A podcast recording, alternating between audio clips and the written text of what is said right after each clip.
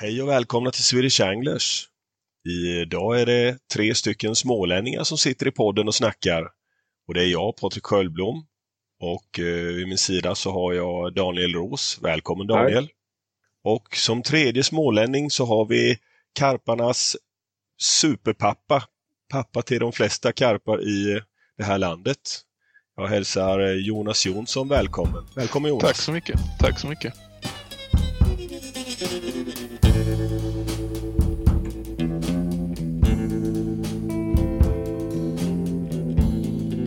Swedish Anglers Rodpod presenteras i samarbete med Fiskekompaniet. I've had enough of your bullshit to last me a lifetime. So get out of here. I don't wanna see Allt bra med er? Ja, det får jag lov att säga. Det, det är fint. Jajamän, med ja. finemang. Härligt.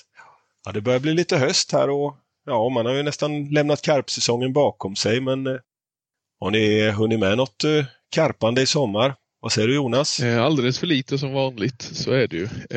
Men nu under hösten kom jag ut och körde ganska mycket så det var ganska kul. Och tycker ju tidig vår och, och höstfisket är bland det, bland det roligaste.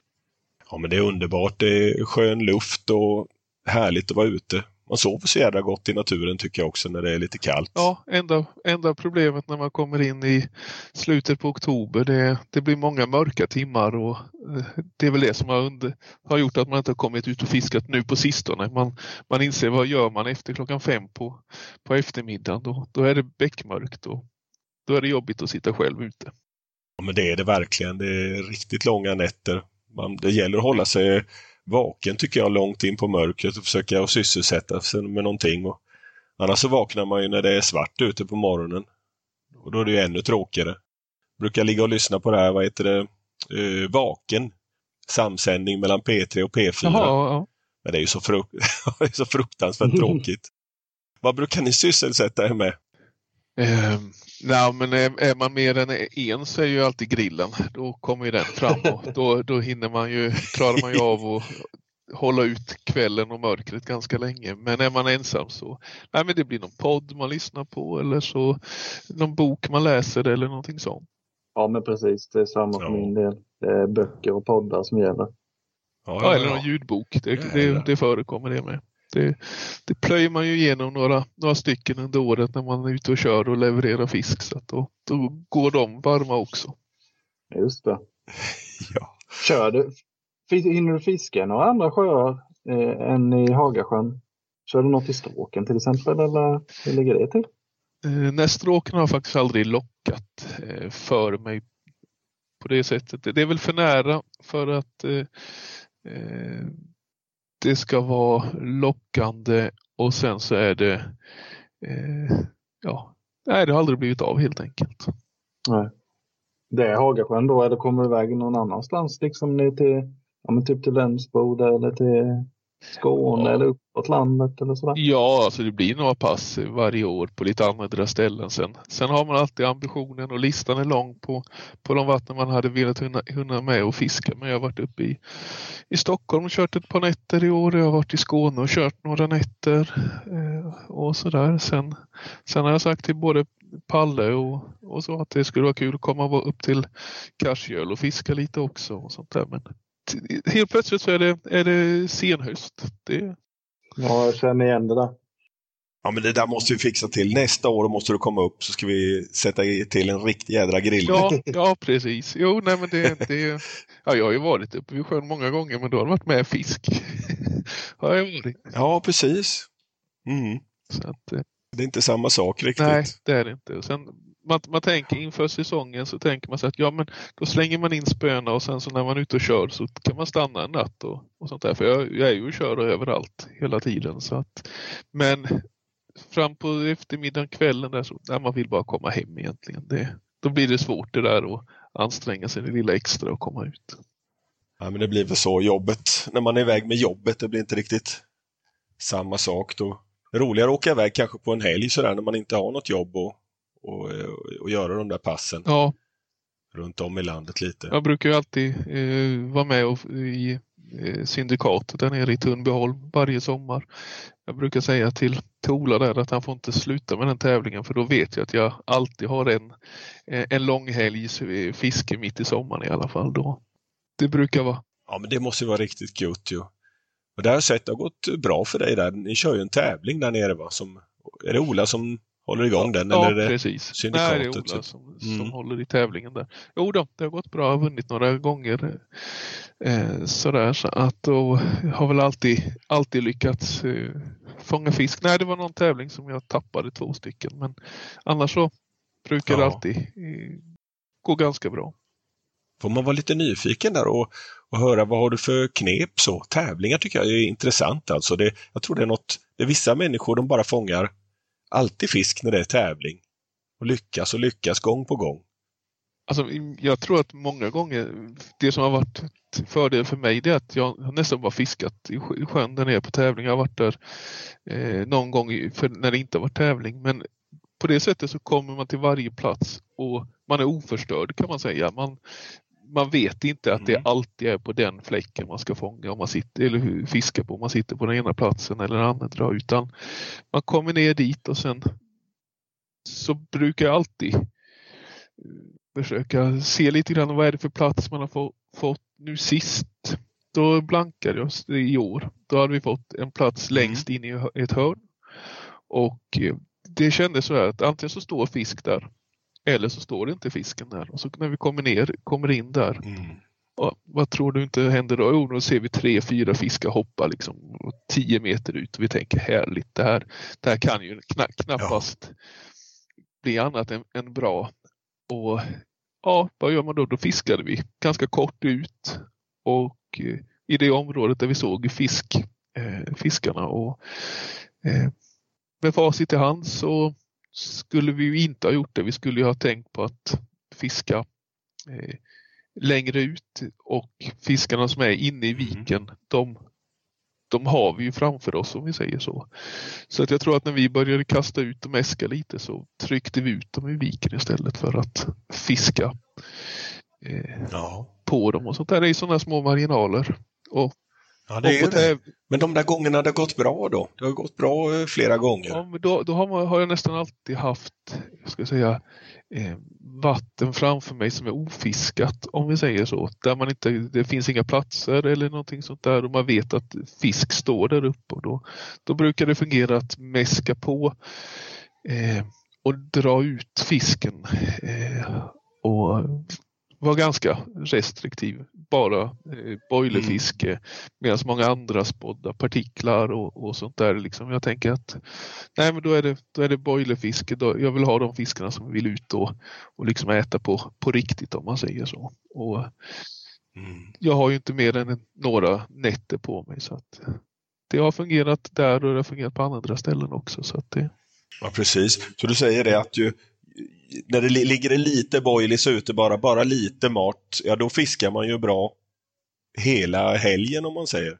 Finns det bara några beten att välja på då kan Ja, nej, jag skulle nog inte, jag skulle inte säga också. att jag snålat in på mängden på det sättet, men den spridit nej, nej. Mm. ganska mycket och lite bredare. Eh, det är ju det fisket jag tycker och känner mig mest komfortabel med.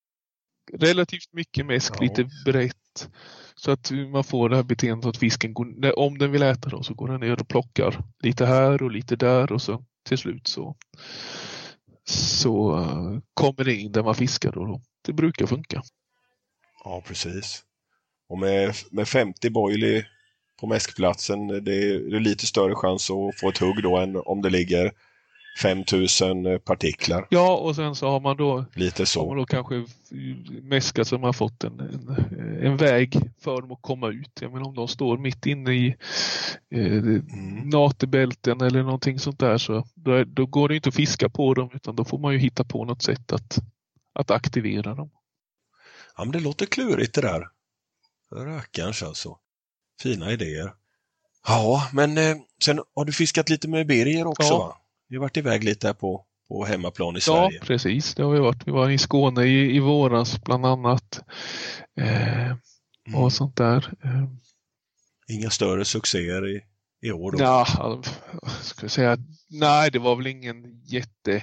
Vi hade jättekul och trevligt om alltid när man är ute och fiskar med Birgen, men eh, fisket där, det var ganska svårt. Mm. Vi hade inte riktigt den flyten med oss som, vi, som man behöver för att, för att klassificera som riktigt lyckat. Men det, vi, vi bägge två fick fiskar och på så sätt så ska man inte klaga. Det, det... Ja, det är ju bra. Fiskar du någonsin eh, något annat än karp? Eller har det alltid varit karpen? Eh, ja, när jag började fiska så gick jag ju kanske från, från noll till ingenting. Eh, egentligen så innan jag började med karpfisket då var jag ju bara en liten, eh, liten pojk. Jag började fiska karp när jag var 10-11 någonting sånt. Ligga ute ensam och fiska. Eh, men innan dess då var det lite eh, abimatic spinnfiske efter abborre gädda. Eh, lite toppknutet i odlingsstammarna. Eh, så att jag hade ju fångat karpar innan och sånt där. Gräskarp och falukorv och lite sånt där. Men, eh, test, testade mycket sånt där. Men eh, annars så var det ju inte så mycket fiske på det sättet utan det var när en eh, sommarpraktikant kom, kom upp till odlingen och eh, ja, han satt och jobbade, jobbade på, på dagarna och fiskade på nätterna och så vid något tillfälle så frågade jag han om jag inte kunde få slå upp mitt, mitt tält då på platsen bredvid och, och bara få vara med. Och visst, sa han, det är klart du ska, ska göra det. Och sen när, vi, när jag kom ner dit och sånt där, då sa han du måste ju fiska också. Så han, då tog han mitt Abimatic-spö, tacklade upp det med glidande majs och så fick jag låna hans på den tiden väldigt nya och fina Fox Essex eh, larm och jag var helt såld då. då... Grymt! Men det där måste vara någon man känner ja, till va? Det måste vara någon... Ingemar Pettersson, ja just det. Han var ju stor, fiskade väldigt mycket på på, ja, på 90-talet och även mycket nere i Perstorp och, och, ja, många andra ställen där. Han var ju uppe från Uddevalla-trakten så att det är han som fick mig att börja fiska ja. karp och, och sådär. Kul. Nu är det mer fotografering för honom. Jaha, ja ja. Ni har lite kontakt Ja, vi skriver lite grann någon gång ibland. Och sådär, så. Trevligt, trevligt. Ja, just det. Ja, det måste ha passerat, eh, du måste träffat eh, var och varannan svensk karpmetare många som har varit i Hagasjön genom åren. Ja, jo det är klart. Jag har haft eh, förmånen att, att ha Hagasjön och på så sätt så, så har jag mm. träffat väldigt många och uh, har, ja, känner till väldigt många. Sen är det många av dem som fiskade i Haga eh, i början. De, det är inte så många av dem som är igång och fiskar fort, karp fortfarande utan de, de håller på med Nej. annat och, och sånt där. Så många nya som har tillkommit. Ja, precis. De som fiskade i Minns början där, var det eh, Rickard Bengtsson och Poa och dem eller var det folk som fiskade ännu tidigare då? Ja, de var ju egentligen fiskade Haga innan. Eh, de var ju mm, fiskade ju där under, under syndikattiden som var det på precis början på 90-talet då. Okay. Eh, det kommer jag ihåg lite utav. Jag kom, tror det var Mikael Bolognesi ja, var med va? Precis. Och så eh, och, eh, Sandström med va? Ja, ja det vet jag faktiskt inte. Jag vet, Nej. Det var ju Borgnesi och sen var det ju andra profiler som var med där då. var ju Anders Lilja. Ja, precis. Eh, Louis Rasmussen. Eh, och sånt där var ju Ja, även han eh, Ingmar Erlandsson, Birgers kompis där nu från Halmstad. Eh, Bacon var ju med. Och, ja, nej, men det, det var ett gäng, men det var innan min tid så det var ingenting jag har någon, jag var ju väldigt liten då så att då, ingenting jag har något ja. stort minne av. Nej. Men hur var karpfisket då? Det var inte sådär jättemycket stor fisk då va, men det var enstaka större individer va? Ja, Min, det var det. Det kom upp, eh, klart jag menar när syndikatet kom igång så sattes det väl ut fisk inför det mm. hela så att då var det väl ganska gott om ska säga, nyinsatt fisk och sånt där. Och det var väldigt lättfiskat vad jag förstod det som. Ja. Hur var, vad är Hagasjön egentligen? Det är en, en grävd damm då det, för ändamålet oh, karpodling? Ja precis, det är ju egentligen en gammal odlingsdamm. Eh, och sen när mm. eh, de grävde den, hela all, all mark eller hela odlingen ligger ju egentligen, ja om man tänker sig småländsk granskog, eh, torvmarker mm. runt omkring så att efter ett antal år med karp i odling i den dammen så eh, hade de bökat upp ett område så att den var inte Tömde man ner den så fick man inte upp all fisk och då, då blev den en eh, sjö kan man säga och så var den eh, ja, lite kortfiske på regnbågen någon gång på 70-talet och, och lite sånt där. Ja. Så att den är, det var innan dess som den var odling, i, i odling om man säger så. Ja, den har ju eh, verkligen på senare år efter det här eh, filmandet, det var ju, de gjorde en film där va? Vad var det för engelsmän som var på besök? Ja, det var ju Alan Blair och Ollie Davis från Ash som var upp och filmade ja. en av deras eh, Eurobanks eh, filmer. Ja, just.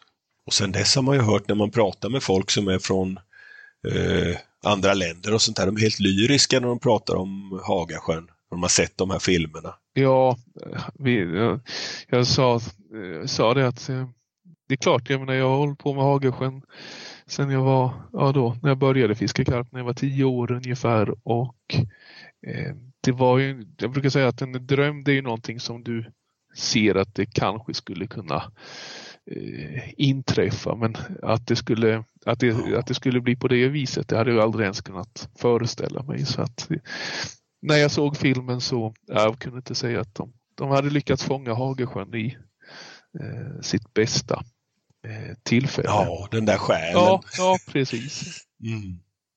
Ja, underbart. Jag pratade senast nu när jag var iväg i, i Bosnien pratade jag med en rumän som så gärna ville komma dit och han undrade hur, hur han skulle kunna lyckas, eh, om man kunde flyga dit eller hur man kunde ta sig dit. Och ja. jag sa han kunde kontakta dig. Ja, precis. Det är en bra början i alla fall. ja, precis. Har du mycket, kommer det folk som sitter och tjuvfiskar där och sådär när du kommer ner om kvällarna?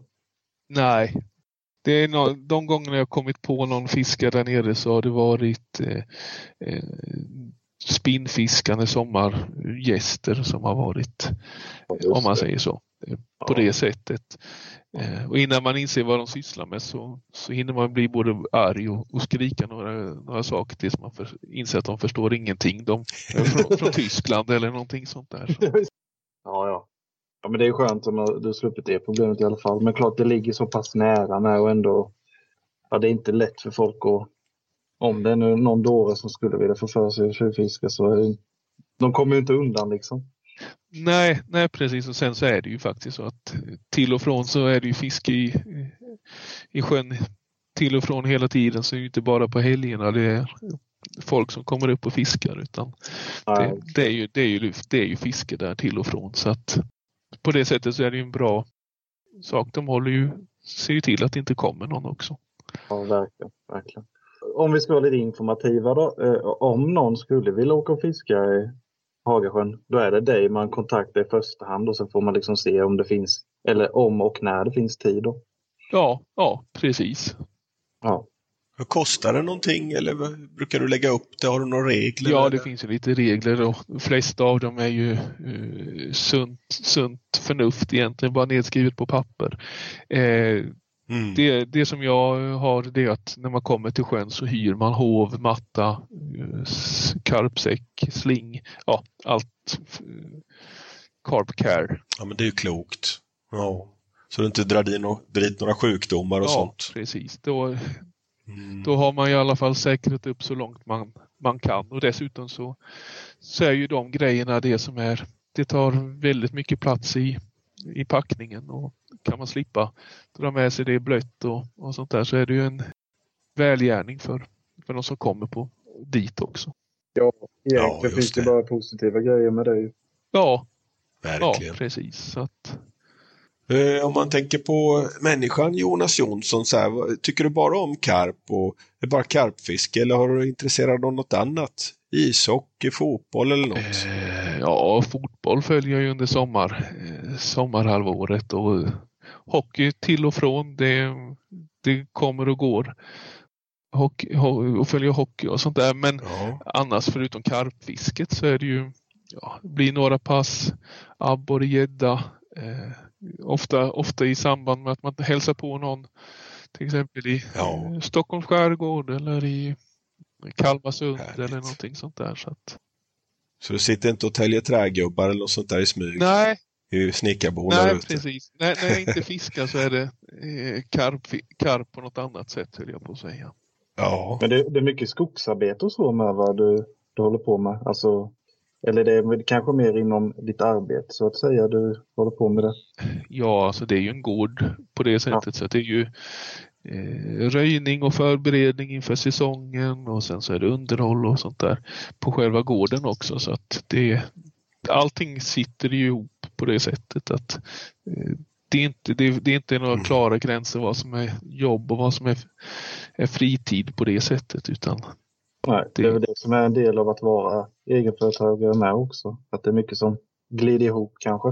Ja, ja precis så är det. Ja. Och, sen, och sen, sen är jag uppvuxen med det på det sättet så att jag har ju aldrig, aldrig haft eller känt att det skulle vara på något annat sätt höll jag på att säga. Nej, precis. Nej. Ja, det har alltid varit eh, liksom din grej. Du ska eh, ta över företaget efter... Nej, det har väl aldrig, har väl aldrig och- varit sagt egentligen Nej. utan det eh, när jag gick i småskolan så gjorde vi något arbete, ja man skulle välja ett yrke och en, ja, så skulle man följa upp den hur man, vad man skulle studera och sånt där. Och det var väl i årskurs Mm. sju eller någonting sånt där och då slog jag fast att jag skulle bli ingenjör och, Ja. och eh, det är jag ju också. Jag är utbildad eh, in- ingenjör inom energi och miljöteknik. ja, det kommer jag ihåg. Du gick och studerade Precis. flera Ja. år va? Ja. Så att jag menar på det sättet så är det alltid naturvetenskap och matematik och den saken som har intresserat mig i skolan. På det sättet. ja. Har du nytta av det idag också? Känner du lite? Eller? Ja, det är inte, inte så att jag tjänar pengar på det men man, det är ju mycket som, Ja. ska säga, allt från ja, ekonomi till, till sådana saker som man har läst och studerat så att man, man är ju inte oäven inom de delarna heller. Nej. Ja, det är ju suveränt. Ja, för du kom in i det här. Du fick nästan börja jobba lite med, med fiskodlingen från som liten pojk då. Ja, precis. Jo då, jo, jag var ju med när jag var liten. Och det finns något gammalt fotografi hemma som jag har sett någon gång Ja. ibland. Och det, jag kan, vad kan jag vara? Tre, fyra år gammal kanske. Och ha, hade varit med när eh, Pavel eh, ute i Aneboda. Och när jag då kom hem sen så satt jag med handdukar i knät och så satt jag och kramade eh, fiskar också. Det var bara det att jag, på bilden så sitter jag och kramar en, en stor sten istället. Men jag hade ju sett hur de, hade, gjort- hur de gjorde och allting sånt där. Så då skulle jag också göra det när jag kom hem sen. Så Men eh, Pavel, vad var det för något? Avel. Vem är Pav? Ja, Ja, Avel ja! Avel. Tyckte du Nej, sa på, Pavel. på Avel sa jag. ja. Karpodlaren Pavel i Aneboda, han, är- han glömmer vi bort med en gång. är, det, är, det någon mer som är involverad i, i odlingen nu mera? Eller för, driver du mesta, allt, eh, mesta själv? Ja, det är jag och min far som, eh, som jobbar med det dagligen om vi säger, säger Ja. så. Sen, sen så har vi lite, som, lite folk som hjälper oss på, på sommaren med en del leveranser och sådana saker. Ja, just det. Hur ofta har du leveranser egentligen om man skulle försöka dra något snitt? Liksom är det ett par gånger i veckan eller är det varje dag eller en gång i månaden? Eh, Om man säger så när vi har utleveranser, när vi kör ut och levererar själva under säsong från, vi säger då början på maj fram till eh, början på oktober ungefär. Då är det väl två till tre gånger i veckan som vi har ut, där vi kör ut och levererar. Och så till det så kommer ju då kunder som kommer förbi och hämtar själv. Så att då, då är det ju i princip eh, när det är som, som mest så är det ju flera kunder om dagen. Eh, sju dagar i veckan ungefär. Så att det är full fart under säsongen. Just det. Och då levererar ni fisk från, ja det är så långt i söder kommer i Sverige då. Och eh, hur långt norrut liksom? I år så levererade jag upp till Luleå och han skulle köra dem vidare till, eh, ja, vad hette det stället där eh, norrut? Eh, Haparanda, Ja. Kalix. nej, eh, eh, ja, det var i alla fall ytterligare två timmar norrut från Luleå då upp. Så att eh, Det var det jäklaste. Men vad var det för, för fisk du levererade då? Var det gräskarp då? Eller? ja, ja, Ja. precis. De klarar sig fint där uppe med gräskarpar. Ja, jag brukar säga att så länge man har vad vi har, man kan säga badtemperatur på vattnet sommartid så är, hinner det ju bli tillräckligt varmt så att även eh, de kommer upp och, och gör, eh, blir effektiva om vi säger så.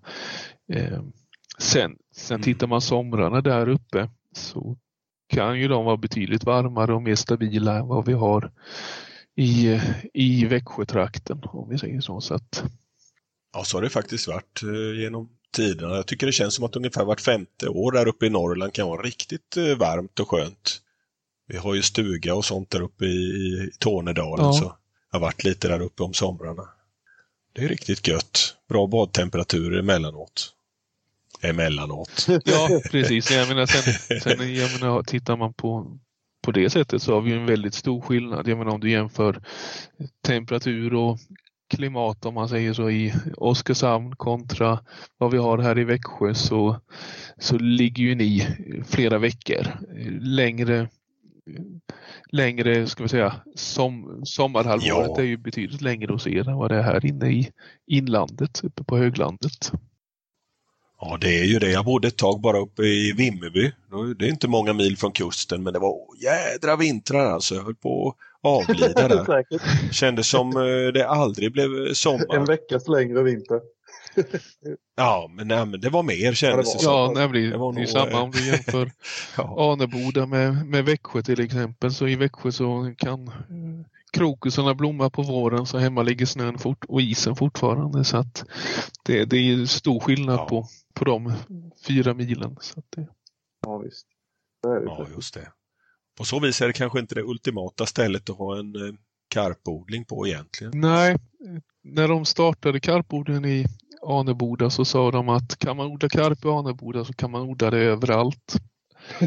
Så att det, Ja. nej, de valde inte Ja, de, det. det. bästa eh, stället att lägga odlingen på. Men samtidigt så har de, la de in odlingen för att kunna ta fram fisk som klarar sig på överallt i Sverige. Mm.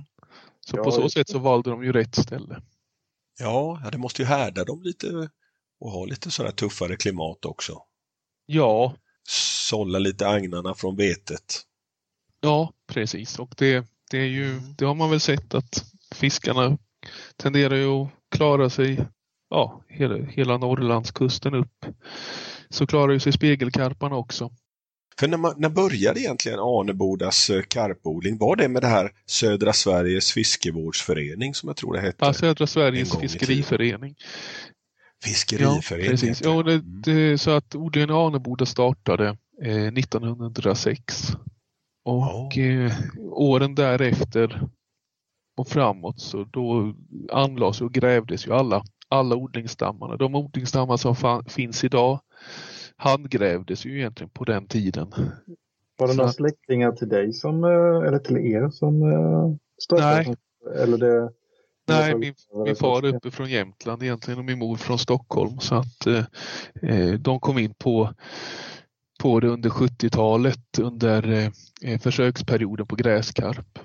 Och sen, Okej, ja, ja, ja. Mhm. och sen tog de över eh, det hela under slutet på 80-talet. Då. Ja. Vad, var, vad hade han för bakgrund där, sa du, din, din far? Det, Ja, Roger hette ja, han, va? Roger. Eh, Vad hade han? det han kom ner eh, Han- och jobbade med det var ju, han var, var ju ingenjör också och eh, eh, det var ju egentligen eh, eh, kemiingenjör och ekonomi som han jobbade med. Men då blev man lite sugen på det där med gräskarpsodling. Ja, det var ju va? någonting som var nytt och eh, Mm på den tiden om man tittar på 70-talet då var ju eh, såg ju fiskodlingen, eller fiskodlingsarna i Sverige helt annorlunda ut. Då var ju eh, vad ska vi säga, då var ju fiskodling det nya som var i ropet på samma sätt som, eh, som bioteknikbranschen var på 70-80-talet och Ja. och IT-bubblan under 2000-talet och sånt där så var det en uppsving i, inom fiskodling då i Sverige och vi hade ju världsledande företag som eh, Evos eh, som var stora tillverkare. Eh, Ja. världsledande inom eh, dels då fiskfoder men även bassänger och foderautomater och fiskodlingsteknik. Ja, ja, så vi hade det här på hemmaplan allting serverat egentligen och bara köra igång. Ja precis och då, då såg världen annorlunda ut. Hur kommer det sig att man ville ha, ha hit gräskarp och sådär? Alltså, och eh, anledningen till att man ville börja odla den i eh, Sverige?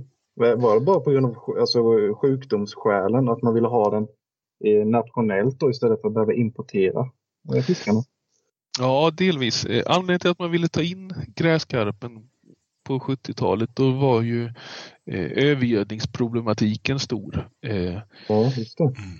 det var på den tiden som också alla eh, rening, vattenreningsverken började byggas upp. Man eh, utvecklade tekniken för att fälla eh, fosfor och, och sådana saker och då hade man ju de här alla, alla problemen med övergödning och då hade man sett att gräskarp skulle kunna vara en, kanske inte en lösning, men en del av, av lösningarna för, för det hela och eh, då inledde man en försöksverksamhet man, eh, ja det var ju en undersökning varifrån man skulle kunna hitta fisk och den skulle vara eh, smittfri och sådana här saker. Och så, när man väl hade hittat det så tog man in ett antal fiskar och jag tror att Ösbysjön uppe i Stockholm var bland de första försöksvattnena. Ja ja, där hade de ju några tidiga svenska rekord. Ja, Ja, precis. Och eh, när man väl hade sett att det fungerade så inleddes det en, en försöksperiod som den varade i ungefär tio år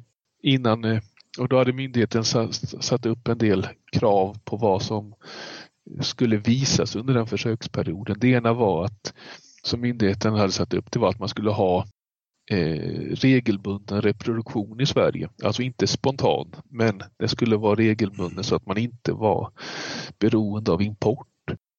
Och det var ju med hänvisning, eller hänsyn till eh, risk för att introducera sjukdomar. Och sen var det andra, det var att man inte eh, att inte gräskarpen skulle kunna skapa okontrollerade bestånd. Att man skulle visa att den inte kunde reproducera sig spontant i Sverige. Ja. Och att den skulle vara effektiv, att den skulle göra nytta med. ja. Och det har väl aldrig hänt att en gräskarp har lyckats reproducera sig vilda i Sverige? Va? Nej, gräskarpen behöver ju väldigt speciella betingelser för att bli lekmogen naturligt och vi har inga sådana eh, naturliga eh, omständ eller naturliga vatten där de skulle kunna bli det hela. Men om man säger de där allra första gräskarparna som, som kom till Aneboda, var det kineser eller var, var var de ifrån? Nej, jag vet inte exakt varifrån från de kom. Jag vet att, eh, att eh, SVA, då, Sveriges veterinärmedicinska anstalt, var ju nere i, jag vet inte om det var eh, Tjeckien, Ungern och sådana här saker och gjorde analyser och provtagningar på plats där nere för att kunna hitta någon, en lämplig odling där man kunde ta eh, fisk ifrån. Och eh, Sen var det ju stora kontroller regelbundet efter det på, på gräskarpen för att eh, ja, det var ju en ny fisk. Man kunde inte så mycket om den och man skulle lära sig vad, vad man, eh, ja, det man behövde veta veterinärmedicinskt också. Jag kommer ihåg att jag läst någon sån där eh, broschyr som ni hade om gräskarp från Aneboda där. Det, det står lite om hur de i naturen förökar sig, att de kläcks långt upp i en flod och så driver de med flo- floden nedströms och kläcks på vägen och sånt där. Är det så där det fungerar ungefär? Ja. Överallt? Ja, precis. Så att eh, gräskarpsrommen den är ju pelagisk, alltså den eh, är ju fritt svävande i, i vattnet, eller ska hålla sig fritt svävande i vattnet och för att kunna göra det så måste man ha rätt eh, strömningshastighet på vattnet och går det för långsamt så Mm. faller romkornet ner till, till eh, botten och då dör den och går det för snabbt så och för turbulent så eh, då slås romkornet sönder så att det är väldigt eh, speciella betingelser för att det ska fungera. Det är lite hysch-hysch med det här med odlandet med gräskarp tycker jag. Men, men du satt och läste lite då, eh, Ros, om, om det igår, hur det fungerar och Ja, sånt där. jag var som besatt och eh, låg och läste halva natten. Gjorde jag. Eh, och då läste jag eh, en manual för odling av gräskarp.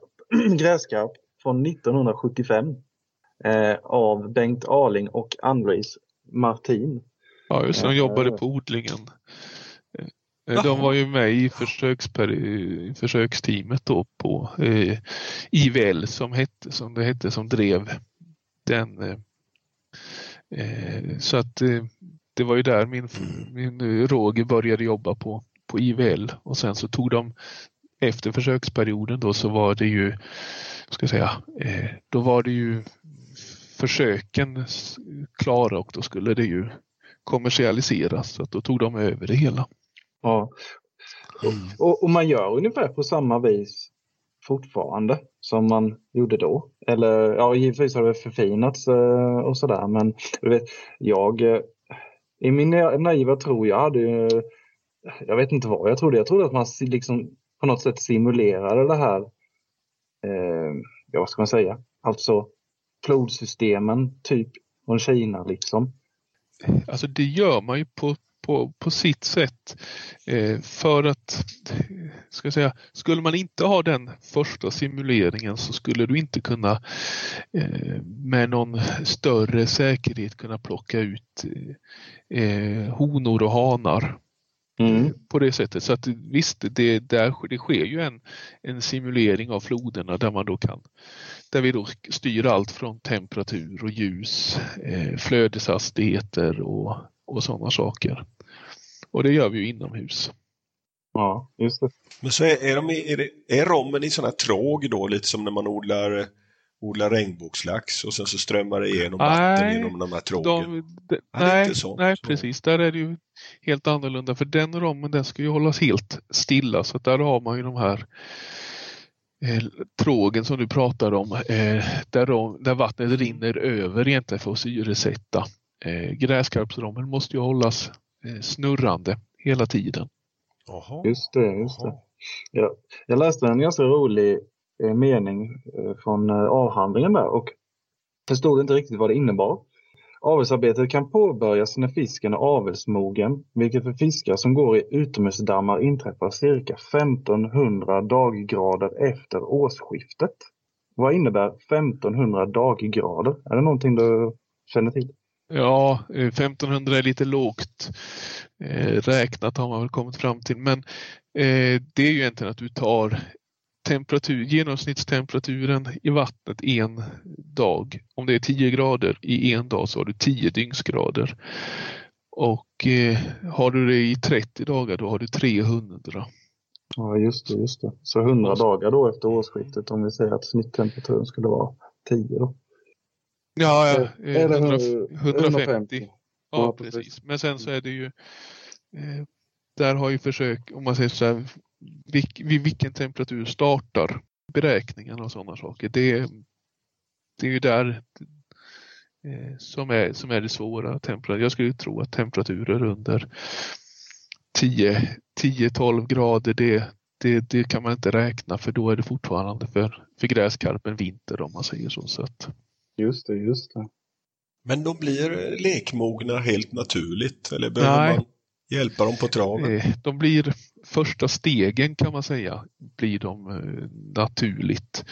Eh, och sånt Ja. där. Så att du kan ju då, vad ska jag säga, eh, honorna har ju börjat processen med att ta fram rommen om man säger så och, och, och sånt där. Mm. Men du skulle inte, du skulle inte komma längre än än, än fram dit ungefär naturligt. Att rommen skulle börja, honen skulle börja plocka fram rommen men den skulle aldrig kunna aktiveras och komma till, till mog och börja mogna om man säger så, bli redo för, eh, för, för lek då. Det skulle, så långt skulle man aldrig komma. Så där måste man stimulera dem med någon injektion? Ja, sist, sista stegen är ju traditionellt sett att, eh, att man har anv använder sig av eh, före då hormonteknik. Ja. Det är ju för att man ska kunna styra sista biten kan man säga. När, så man vet när Ja. inträffar. ja, och det kanske man gör på andra arter också egentligen? Ja, tittar man på, kunna veta. På när du har styrd avel på, på vanlig karp så gör, använder man ju eh, på samma sätt egentligen. Ja. och det är inget. Men, men vi ser två, styck, två stycken gräskarpar i en golfbanedamm. De skulle aldrig få för sig att leka Nej. alltså. Det blir Nej, ingen lek. nej, precis. För att i, Nej. i naturen så har du också väldigt mycket med vattensammansättning och det ska vara, egentligen så ska det sk- ske översvämningar och så ska vattnet rinna undan med rätt hastighet Mm.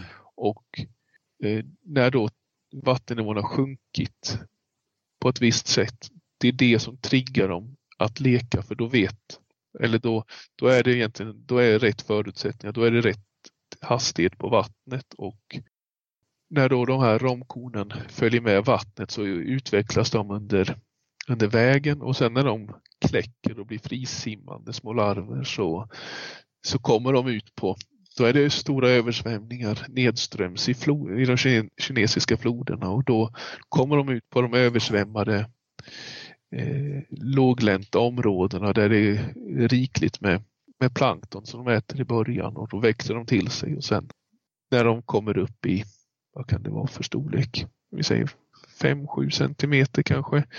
Så börjar de gå Mm. över till att äta fin, fin vegetation ungefär. Ja, jädra kinkiga filurer det där. Jag tycker, tittar man i Polen och lite så här varmare sydliga europeiska länder i, i sådana sjöar som vi har varit och fiskat karp i, där brukar det kunna vara som lusigt mycket gräskarpar i vissa sjöar så man nästan blir galen. De är fram och nappar hela tiden. Men det är odlad fisk alltihopa, då menar du? precis. Mm. Det, Jag menar där, ska säga, här i Sverige så tittar vi på ett vatten och sen så bestämmer vi ett, ett antal fiskar man vill sätta ut i det hela.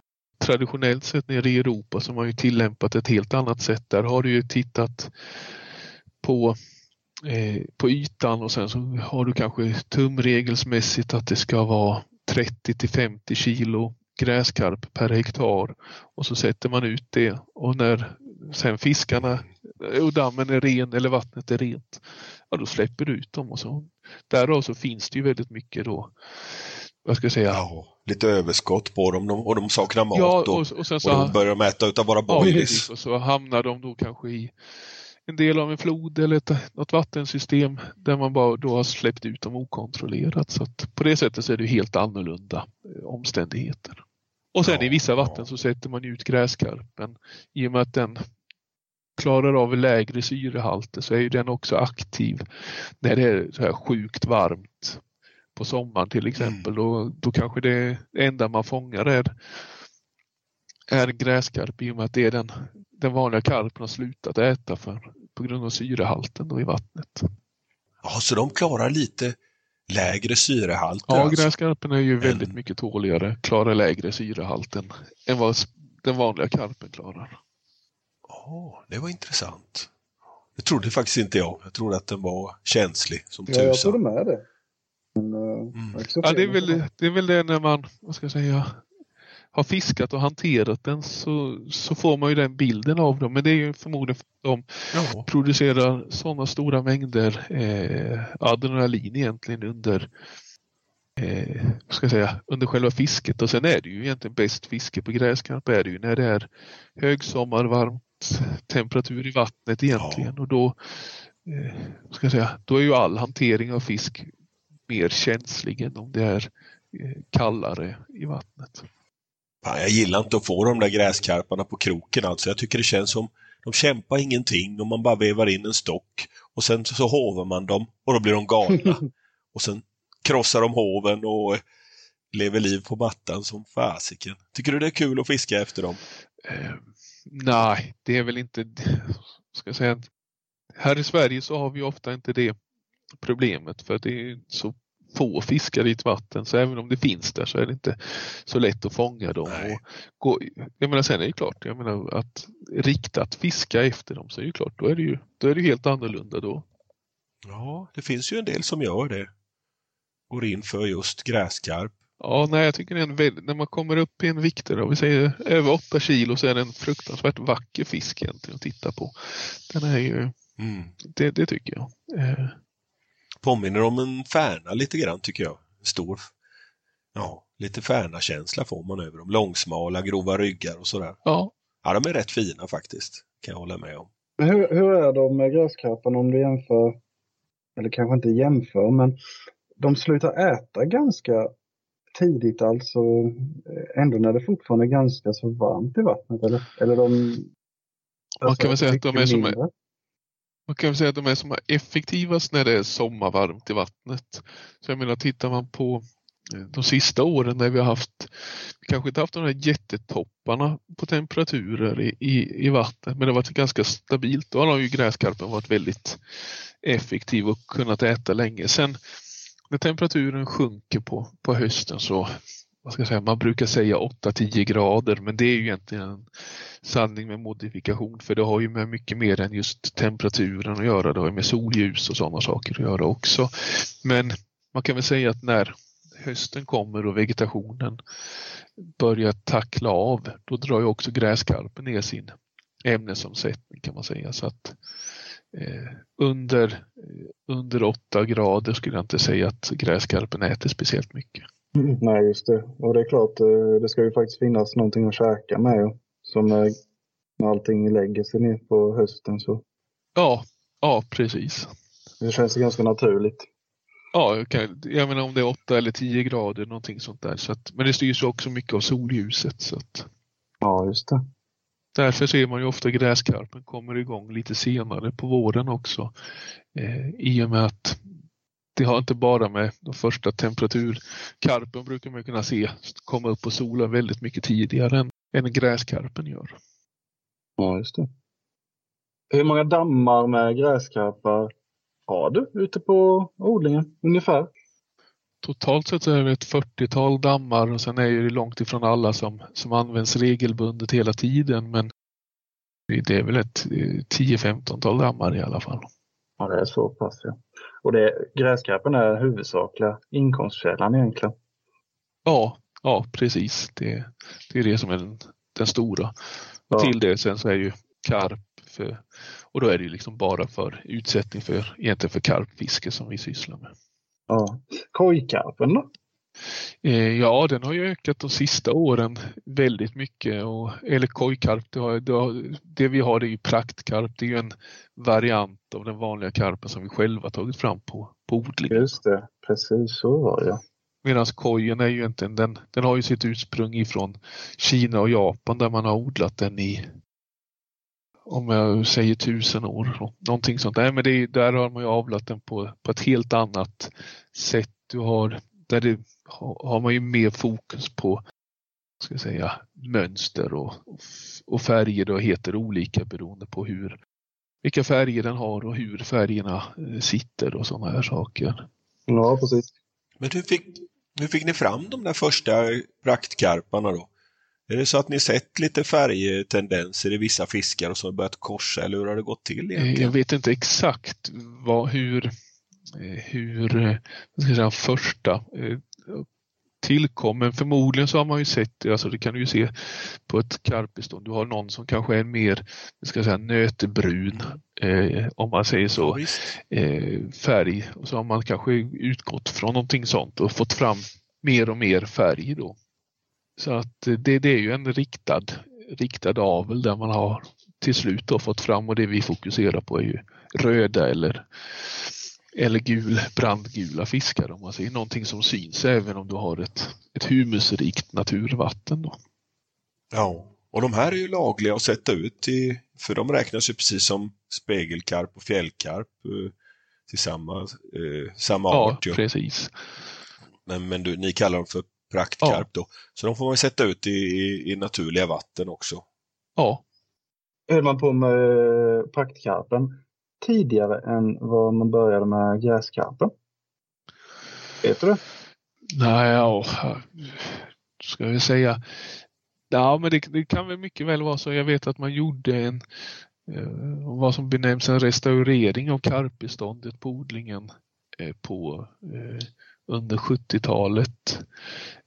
Vet jag att man gjorde. Så att det är väl mycket möjligt att det härstammar därifrån det arbetet som, som gjordes där. Sen om det fanns några grunder till det hela innan dess, det vet jag inte riktigt.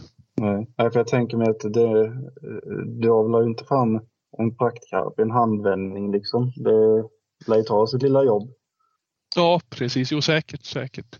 Det, det fanns säkert någon grund som man började på. Sen, sen kan du ju, jag menar, tar du en praktkarp så kan du ju korsa den med en vanlig spegelkarp för att kunna ja, föra in positiva egenskaper från spegelkarpen då igen. Och sen från, från den då plocka de som ser, ser bäst ut och har bäst färg, färganlag och så vidare. Så att, har ni någonsin funderat på eh, att odla kojkarp då? För det, de säljs ju för astronomiska summor. De där har man ju sett.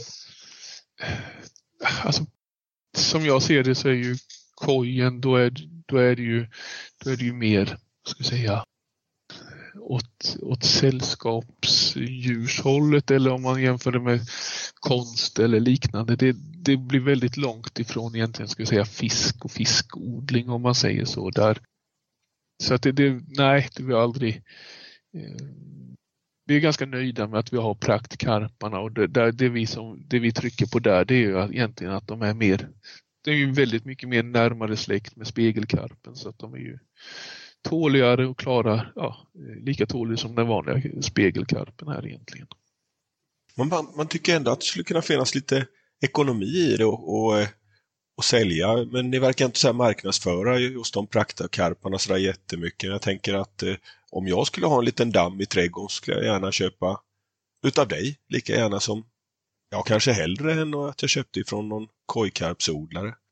Ja, jo, nej men det är vi marknadsför praktkarparna men det kanske inte är så att vi har, vad ska vi säga, eh, marknadsför dem på samma sätt som ska säga, djuraffären marknadsför sina eh, fiskar om man säger så utan eh, det vi ser är ju en, ett en stort intresse och ökat intresse för, för, för praktkarpen så att någonting som var ganska litet förr har ju blivit ska säga, det är inte så att det är stort, men vi skulle inte kunna sluta eh, odla det om man säger så. Utan, de är ju riktigt fina, så är de, de som ni har plockat fram. Det hade varit kul, eh, vi måste nästan eh, be att få några bilder utav det så vi kan eh, lägga upp sen i, i samband med när vi lanserar podden här nu. Så folk får kika på vad det är för något vi snackar om. Ja, just det. Självklart.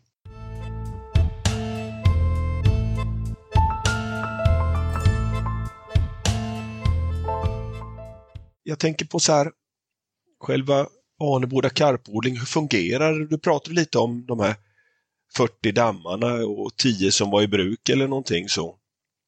Är allting, handlar om, om dammodling eller odlar ni inomhus också eller hur, hur fungerar en karpodling egentligen? Eh, ja, hur fungerar en karpodling? Eh, du kan säga, det vi har det är ju förutom då de här damm, dammodlingen där där det sker eh, ska säga, mer semi-intensiv odling eller eh, extensiv odling eh, på, på det sättet. Det är mer större andel av produktionen sker ju av de naturliga eh, näringsämnena och det naturliga som finns i, i vattnet. Och de leker själva i vissa dammar? Ja, alltså. fast där styr vi ju. Det är det du säger? Oh. Ja, eller själva odlingen där, de levnär sig och, och, växer på den naturliga födan som finns i vattnet kan man säga. Sen så blir det en viss tillskottsutfodring om man säger så. Sen har vi då eh, eh, lekdammar där vi då kan på spegelkarpe till exempel, där vi kan antingen så kan vi välja att göra en riktad avel där vi gör det, ja, där vi får krama dem på, på rom och mjölke. Eller så kan vi sätta ut valda avelsfiskar i, i en damm så får de leka eh, fritt där i under, som, under säsongen och sen plockar vi ut det som, som kommer. Ja. När ni kramar fisken och, och det och, och, då blandar ni mjölke och rom i, i, tillsammans med vatten i någon hink då och sen har ni dem i sådana där odlingskärl eller, eller kan man sätta ut det direkt i dammen? Och, Nej, men det gör man det, gör man det eh, kontrollerat på det sättet då över, överför man det till speciella kläckglas där, där rommen då får, får utvecklas ja. inomhus. Och sen när de då är kläckta och börjat äta sen så överförs de små larverna ut till, till yngeldammar då. Ja. Tittar man då, då, då sker ju ofta detta på eh, på försommaren och man sätter ut dem i eh, någon, någon gång slutet på juni, någonting sånt där och sen går de ute fram tills någon gång under oktober när, när man då tömmer ner dammarna för att plocka in ynglarna. På, på gräskarp så är det ju helt avgörande för att de, innan de har blivit vi säger 25 centimeter stora så har de inte de eh, kommit så långt i sin utveckling att de skulle kunna klara en svensk vinter egentligen. Eller bortfallen skulle bli väldigt stora och sen ju mindre de är då så blir det närmare sig 100% bortfall. Då. Så därför tar vi in alla gräskarpsyngel. På spegelkarpen så gör vi samma sak, att vi tar in all, alla yngel och det är ju egentligen för att det har visat sig att genom att eh, vad ska jag säga, undvika att de genomlöper de första svältvintrarna mm. så tenderar de att växa betydligt bättre. De, ska säga, de, de har ingen, har, får inte med sig någon del där att de ska säga, att, att det är svält, brist på föda utan att de ska gå under bra Eh, förutsättningar hela tiden då fram tills leverans. Mm. Sen har de ju... Ja, för jag, tror, jag har tänkt på det där mycket så här att eh, karpynglen inte klarar sig ute i naturen. Om det, om det kan ha att göra med att eh, ja, de har inte byggt upp en sån fettreserv i de små kropparna och sen så tar den slut ganska snabbt och sen så dör de kanske utav leverförgiftning eller liknande. Ja, eh, tittar man på en naturlig lek i, i dammarna, tittar vi på resultatet från tömningen av dammarna i år, då skulle man säkert haft mm. ett stort antal som hade klarat sig för de, de var ju riktigt stora och fina. Vi fick ju in årsyngel som passerat 100 gram. Oj, oj, oj. Ja. Och eh, eh, de skulle ju ha förutsättningar att klara sig. Men sen så ska man ju komma ihåg att att för, för karpen och speciellt då de små karparna så har vi en svältperiod egentligen från oktober fram till egentligen när vi kommit in i, i maj månad. Eh, ja. innan, innan dess så har, är det inte någon större produktion av naturliga naturlig föda för dem i, i, i vattnen. Så att då skulle man ha över ett halvårs svältperiod och det är klart att då, då får man stora bortfall. Och, ja, det är tufft, det måste förstå man ju. Ja, alltså. Och i ett naturvatten, då har man ju dessutom, så ska ju de små larverna, karpen leker ju senare än vad många andra karpartade fiskar som brax och eh, sutare och mört och, och sådana här mm. saker gör. Och då, då, ska då, då har ju de egentligen missat den bästa perioden när det är som mest plankton i vattnet. Och dessutom så har, man då, har de då konkurrensen från övriga fiskyngel som gör att de, de blir inte, de som klarar sig fram till hösten, de blir inte så stora och då är ju bortfallen dels naturligt väldigt hög och sen har du då predation från ska säga, våra vinteraktiva rovfiskar som gädda, abborre, gös. Så att då, då är det inte mycket som, som klarar sig. Nej, just det. Nej, precis. Eh, vilken skulle du säga är den mest optimala fisken att ha som sättfiske, alltså som för mig och Palle då om vi köper karp av dig? Är det tvåårs eller treårsfiskare eller, eller hur tänker du där? Där, där får man göra lite, ska jag säga, där, där finns ju två, två vägar att se det hela på. Det ena är eh, är det fåtal fiskar man vill sätta ut, då skulle jag kanske rekommendera 2-3 kilos fiskar. Är det ett större antal, om man inte har så stor, eh, ska säga, man har inget, inga stora gäddor i vattnet till exempel eller liknande, då, då skulle jag säga halv kilo, kilos fiskar är jättebra utsättningsstorlek. Men i ett, i ett redan befintligt karpvatten där man har lite lite gäddor och liknande så är ju fisk från ett kilo upp till 3-4 är ju den absolut bästa. Ja. Och hur gammal är en fisk eh, som är 3 kilo säger vi? Den är ju, alltså, det, blir lite konstigt när man pratar för det så kan du prata antal somrar och sen kan du prata ålder och sånt där och då, då är det frågan om eh, på det. Men eh, jag skulle kunna tänka mig att en, en kilos fisk den är eh, från 1 till två år beror ju helt och hållet på ska säga, vilken storlek den hade efter första eller nollte sommaren om man säger så. Just det. sommar noll. Ja. Och sen, eh, jag menar är det en kall sommar och sånt där, då kanske de bara väger det är stor skillnad på en, om man får in yngel som är nästan 100 gram stora och om du får in yngel som är eh, 5-10 gram om man säger så eh, på hösten. Och sen eh, har du då 2-3 kilos fiskar eh, där då är det något år, något år till kan man säga på dem. Vad tror du det var som gjorde att just den här sommaren gav så stora fiskar? Du hade en hektos efter, framåt höstkanten sa du. Var det att du lyckades med att välja ut bra avelsfiskar eller, eller var den här sommaren helt ultimat? Dels så skedde väl i år så lekte de ju spontant. Dels så skedde väl leken precis vid rätt tillfälle så att det är det som är alltid är det svåra även om du har naturlig lek eller om du har en styrd lek. Det är ju att eh, de ska ju komma ut under en stabil period den första tiden när de då är precis nykläckta. Då, då får du ju dels, eller rättare sagt nu ska vi backa lite. Dels när de leker så då kan du ofta se karpen går igång och börjar leka.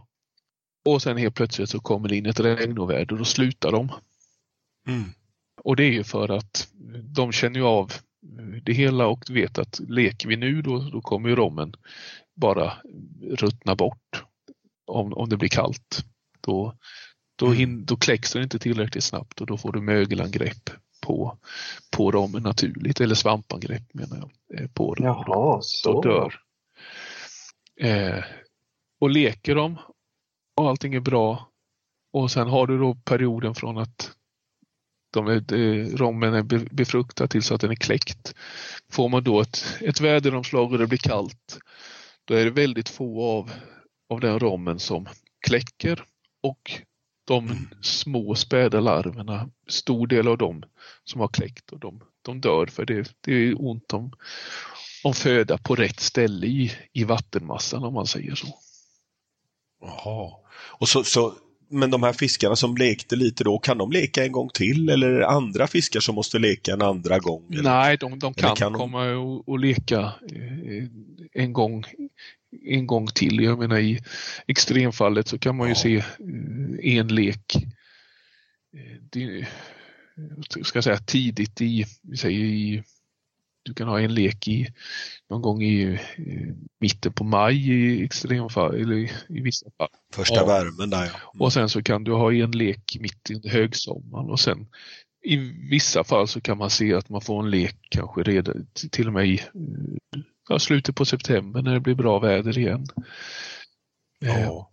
Ja, jag har faktiskt sett det uppe i Karsöl, så haft eh, lek i- sent i augusti. Sen, sen är det ju frågan, jag menar, Ja.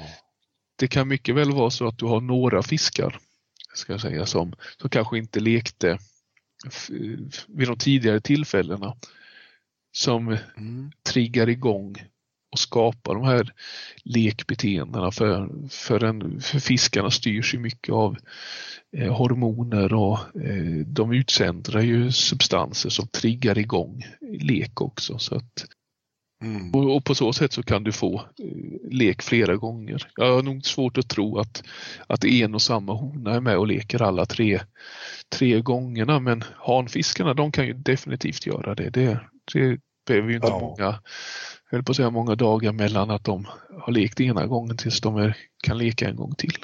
Okej, så de, de är Nej. duktiga på att ladda om så att säga då ja. Ja, de, de kan man ju, där, där skulle man kunna ha samma hane flera gånger på, på ett år. Honorna där skulle jag ju inte göra mer än en eh, kravning. Det är ju inte, om man säger så, man skulle göra det kontrollerat. Nej, just det. Ja. Eh, lite större process för dem att eh, ta fram själva rommen då. Ja, ja precis.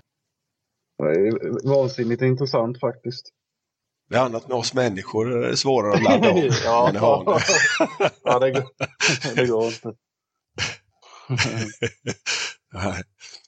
Men eh, ja, jag tänkte på det, kan en, en eh, hona, en, en hona, kan hon stå över leken Ja, ett eller två eller tre? ja den kan nog, eh, jag menar i vissa fall så kan ju, en, det har man väl sett i vissa vatten, du har extremvatten som, där de inte där de inte leker och sen helt plötsligt så leker de och då kan de gå från att vara eh, rekordfiska till att bli eh, ja, att fundera på vad som har hänt med fisken. Så att den ja. kan ju, karpen är väldigt speciell på det sättet. Den är ju vad man kallar substratlekare. Finns det inte rätt förutsättningar för den att leka, att det inte finns växter eller liknande för, för dem att fästa rommen, då leker de inte. Så du kan inte få, du får dem aldrig att leka i ett, ska säga, i en bassäng eller i ett eh, där, det, där det saknas förutsättningar. Men har du då helt plötsligt, det kan vara en eh, Någonting inträffar, vattnet blir klarare, du får helt plötsligt en uppblomning av eh, slingväxter från botten och då kan fisk som aldrig tidigare har lekt helt plötsligt börja leka. För då ja. finns rätt förutsättningar. Ja. Men sen avkomman från en sån rom som har legat länge, den, den är ju förmodligen obefintlig skulle jag säga. Ja. ja för jag läste i någon engelsk karptidning, då var det ett franskt vatten och där skrev de nog att eh, karpen hade inte lekt på sex år. Eh, men eh, ja, nyheten då som var i tidningen det var att de hade lekt nu. Mm. Och, men eh, de håller på sin rom då eller släpper de lite rom? Eh, Normalt sett så eh, tar, plockar, plockas ju rommen fram och aktiveras och den börjar svälla. Och skulle då leken mm. eh, utebli, jag menar att, att man har en ja, en klassisk sommar, du har soligt varannan dag och sen så regnar det så att det hela tiden blir, blir avbrott på leken. Eh, normalt sett då så aborterar och släpper den eh, rommen Okay. Eh, så den återbildas ju inte och blir, vad ska jag säga, eh, gå tillbaka utan då, då släpper de den. Mm. Om det har gått för ja, långt ja, kan man precis. säga. Ja. Eh, men sen finns det ju vissa, vissa individer som, som bär på den hela tiden och i vissa fall så kan du ju läsa i, i England till exempel att den har att den rommen börjat ruttna inuti fisken då. Och mm. så då dör den av, ska jag säga egentligen likförgiftning inifrån fisken. Eh, så det finns ju alltid en ja. risk när, när fisken inte leker om den, den bildar rom och inte, inte släpper den. Nej, just det. Jag tänkte på en annan grej som jag sett i Karsjöl eh, när eh, hanarna och honorna drar igång där första värmen kommer. Då brukar de nypa av eh, säven, alltså kol, kolvass säger ju en del. Eh, men de här mörkgröna rörvassen, mm. Eh, säven, den brukar de bryta av så här, karparna. Så det flyter omkring, hela sjön kan vara full med sådana eh, vassstrån som ligger och flyter. Och då förstår jag att nu jädrar är lek på gång. Men varför gör de så? Är det hanarna som, som är så heta och ska in och rensa på lekplatsen eller honorna som Bägge gör plats? delarna. Eh, ja. När de släpper eh, rommen så från att den lämnar ska säga, honan tills att den ska vara befruktad, det är inte lång tid däremellan. Så där, därför ska säga, är det ju nästan så att de eh, ligger på varandra och släpper det samtidigt, rommen och mjölken. Och då, I vissa vatten, så ja. i Haga till exempel, så ser man ibland så ser man att det är ganska kraftig lek. Eh, I annat fall så ser man bara att det plaskar lite ovanligt mycket på något ställe. Medan i andra vatten som Karsjöl då, där, där kan det bli riktigt, eh, ska jag säga, så att de, som du är inne på, att de mm. är, är, är, så kraftfullt så att de liksom bryter av vass och, och sådana saker. För då... Ja, jag har sett det någon gång när jag satt och fiskade faktiskt, så såg jag så här hur en kolvassrugg bara plötsligt så blupp, flög det upp ett vasstrå och la sig på sidan och så kom det ett till och så fortsatte det så. 30-40 vasstrån bet de bara av så här, precis under vattenytan. Ja, bet av eller om de, om de slogs av. Ja, ja, ja kanske slås av. Precis, ja. när de är där inne. Och... Ja, fasen vad intressant det är här, det här Jonas. Alltså jag, jag, det enda jag är rädd för ikväll är att vi inte ska få svar på alla frågor. Att du vi måste göra om det här och fråga henne. Ja, jag sitter bara och försöker processera allting på en sån grej. Ja. ja det är riktigt spännande.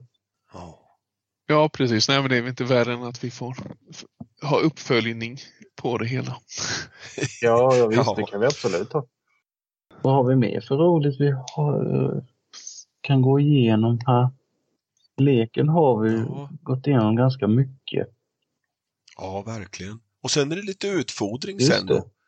Då kör du pellets helt och hållet va? Eh, ja, det är det ju. Förutom ska jag säga, vanligt fiskfoder eller karpfoder då, så har vi ju en, eh, hittat att vi att egentligen kolhydratshalten, för gräskarpen så är ju fiskfoder alldeles för starkt. Det är ju, de är ju växtätare så att där har vi en viss mängd egentligen fiskfoder just för att säkerställa att de har alla aminosyror och alla vitaminer och sånt. Annars är det ju eh, växtbaserat det de äter. Men Ja. även på, på karpen där ser vi att de växer väldigt bra på, alltså tittar man på längdmässigt på, på vanligt karppellets och sånt där. Men det är ungefär som att de saknar lite extra energi så att där har vi sett att man behöver öka mängden eh, kolhydrater så då har vi ju en, ett spannmålsfoder också då som har tagit fram med, tillsammans med en kvarn uppe i eh, Östergötland. Ja, vad häftigt alltså. Och är det samma som ni använder då till Ja, gräskarpen? ja Vill precis. precis. Så att- Ja. Så det är ett svenskt eh, alternativ? Ja, precis. Jag menar, tittar man på det så Ja. skulle det gå sammansättning på den och näringsmässigt så skulle man kunna odla karpen bara på det hela. Eh, skulle kanske utveckla lite väl hög fettmassa om man säger så. Eh, fisken, Ja. men annars så sk- skulle man kunna bara äta det. Men eh, Ja, och för förr i tiden, det fanns ju inga pellets på den tiden, fiskmjölspellets eller sådär. Så det måste ju ha varit helt eh, olika sädeslag man utfodrade på munkarna och tänker jag Mm, ja, på. precis. Och gamla tidens karpodling. Och nej, men- samtidigt Så då, det- då skapade man ju förutsättningar också för det hela med till exempel eh, gödsel och sådana saker som man tillsatte i, i dammarna för att få Ja. en uppblomning av, av de naturliga naturligt fö, föda för dem. Ja, just det. Just det. Och då handlar det om lite eh, mindre organismer.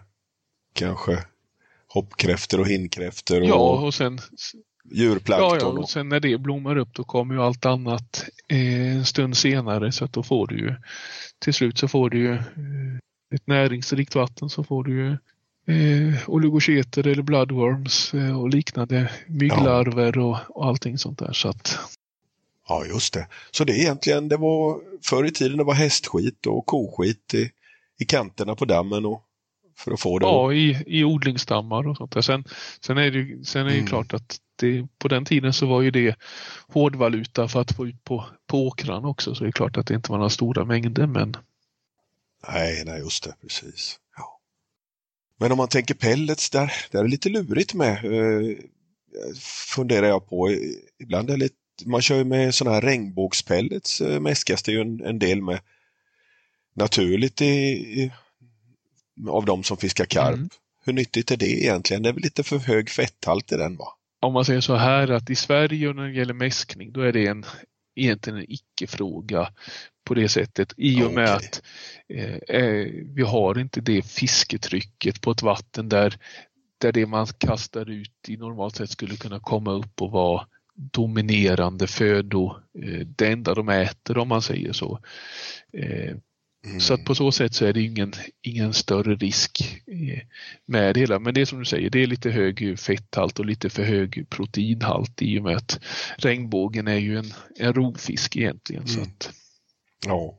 Men den naturliga maten i svenska sjöar den är ändå så mager så det, det lilla extra tillskottet av fett är ingen fara med det. nej, nej precis. Det, sen är det klart att jag menar, det, där finns det ju andra saker som man kanske inte väljer en hög en pellets med hög fetthalt om det är eh, kallt i vattnet och, och så vidare. Så att, Nej, just det. eh, och sen för våran del på Ämnesomsättningen Ja, låg. sen för våran Mm. del på odlingen så är det klart att då, då försöker vi hitta en pellet som är så, så bra som möjligt för dem. Så att, Ja.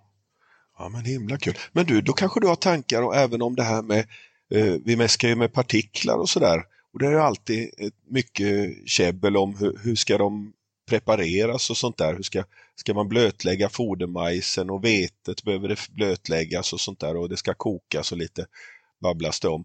Men hur farligt är det där egentligen tro? Visst, fasiken har man odlat karp på genom att häva ut eh, torrt vete ut i, i, en, i en tillväxtdamm. Ja, jo det är klart. Sen är det ju, vad ska jag säga, i, eh, i normalfallet så, eh, så skulle jag väl säga att risken är ganska liten. Men sen har du ju extremfallet att en fisk kommer in och liksom i ett, i ett näringsfattigt vatten och skulle komma in och tömma en mäskplats precis när det är osvälld eh, fodermajs till exempel så, så är det klart att det är ju ingenting som man vill utsätta fisken för. Att den ska dö av det hela det är ju extremfallet. Att den inte mår bra av det, det är ju det är ganska sannolikt att, den, att ingenting den ja. Som fodermajs är det ganska näringsfattigt med, alltså det är inte den bästa maten att ge dem, tänker jag mig. Nej, precis. Det ser man väl i, i vissa fall att, eh, att det liksom går in och så går det ut. Det är inte mycket den plockar upp av den, speciellt om den inte är sönderkokt så att den kan, kan tillgodogöra sig det hela utan då går den väl mycket rakt igenom utan att, att den kan ta upp så mycket av närings, näringen i, i det hela. Mm. Ja, för visst, eh, du har ju jädra bra på koll på vad en karp vill äta och sådär. Visst gjorde du väl en boilies också tillsammans med Swedish Bait Mechanics, en egen Haga special eller något sånt där? Precis, jag tänkte på den jag också. Jag gjorde det, ja. Ja, men då måste vi höra om den. Ja, vad ska man säga? Det är väl en boiler som eh, där jag eh, egentligen hela, hela historien började med att eh, egentligen så kan man gå tillbaks till vi har det här eh, Danish Delight eh, och deras krebsedyr mm. när den kom. Eh, mitt fiske fram tills dess hade ju varit väldigt dåligt egentligen. Jag hade snittade kanske en karp per år trots att jag la hela sommarloven nere vid Hagasjön ungefär. Eh, och ja. eh, sen kom det betet och jag pratade med eh, Mats Grosell en del och sådana här saker och eh, började fiska med det hela och hade ett fantastiskt fiske på det. Och eh, sen mm. Sen eh, köptes ju de upp av Savage Gear. Och mm. innan dess så hade det väl blivit lite sämre och sånt där så jag pratade med han och då sa han att nej men han sa det i, i princip att nu är det inte, det är inte vad det var innan längre. Och Eh, det märkte jag ju också på resultaten, de gick ju ner så att efter det så började man ju leta, vad ska man hitta på nu? Och så gick det ganska många år. Jag körde mainline åtta år och, och rullade egna, körde väldigt mycket med Nash S-mix och sådana här saker. Sen så var det svårt att få tag i den hit till Sverige och sånt där. Och eh, då helt plötsligt så stötte jag på Gary uppe på en eh, eh karpklubb. Karpklubben hade ett årsmöte. Träffade honom där och så började vi prata lite grann och så pratade, han, pratade jag med honom om att jag ville ta fram en boiler själv och så satt vi och pratade om vad, det, vad jag ville att den skulle innehålla och i princip så Hagenspecialen innehåller ju i princip det jag önskar, det jag vill ha i en, en boiler. Alla de bästa ingredienserna om man säger så. Sen vet jag att det, är en, no. en mardröm när de väl ska rulla den och sådana här saker i och med att den, den är ju fokuset ligger ju på, på att maximera eh, bullen, inte att den ska vara så lättproducerbar egentligen. Nej, mycket kräftdjur i alltså? Ja, det är ju, eh, vad ska man säga, tittar man på en boiler så är det ganska svårt att eh, komma runt bra fiskmjöl. En bra fiskmjölsboiler, den, det, det är bland det bästa du kan, kan använda egentligen. Eh, ja. Där, ska jag säga, det, det, var ju ett försök som jag gjorde då i, ja kanske när jag började fiska där att jag tittade på vad som, vad karpen vill äta all, allra helst. I, hade karp då i en bassäng ute med klart vatten så jag kunde ju se vad jag kastade i och sådana här saker och då kastade jag i klart de boilersarna jag fiskade med. Det var några på den tiden. Eh, köpte jag dem på eh, Berras uppe i Stockholm. Eh, kan det Kevin mm. Maddox någonting hette de i alla fall. Jaha. De kan ju konstatera att de, när jag skottade upp gruset ur den bassängen några år senare, då låg bullarna kvar.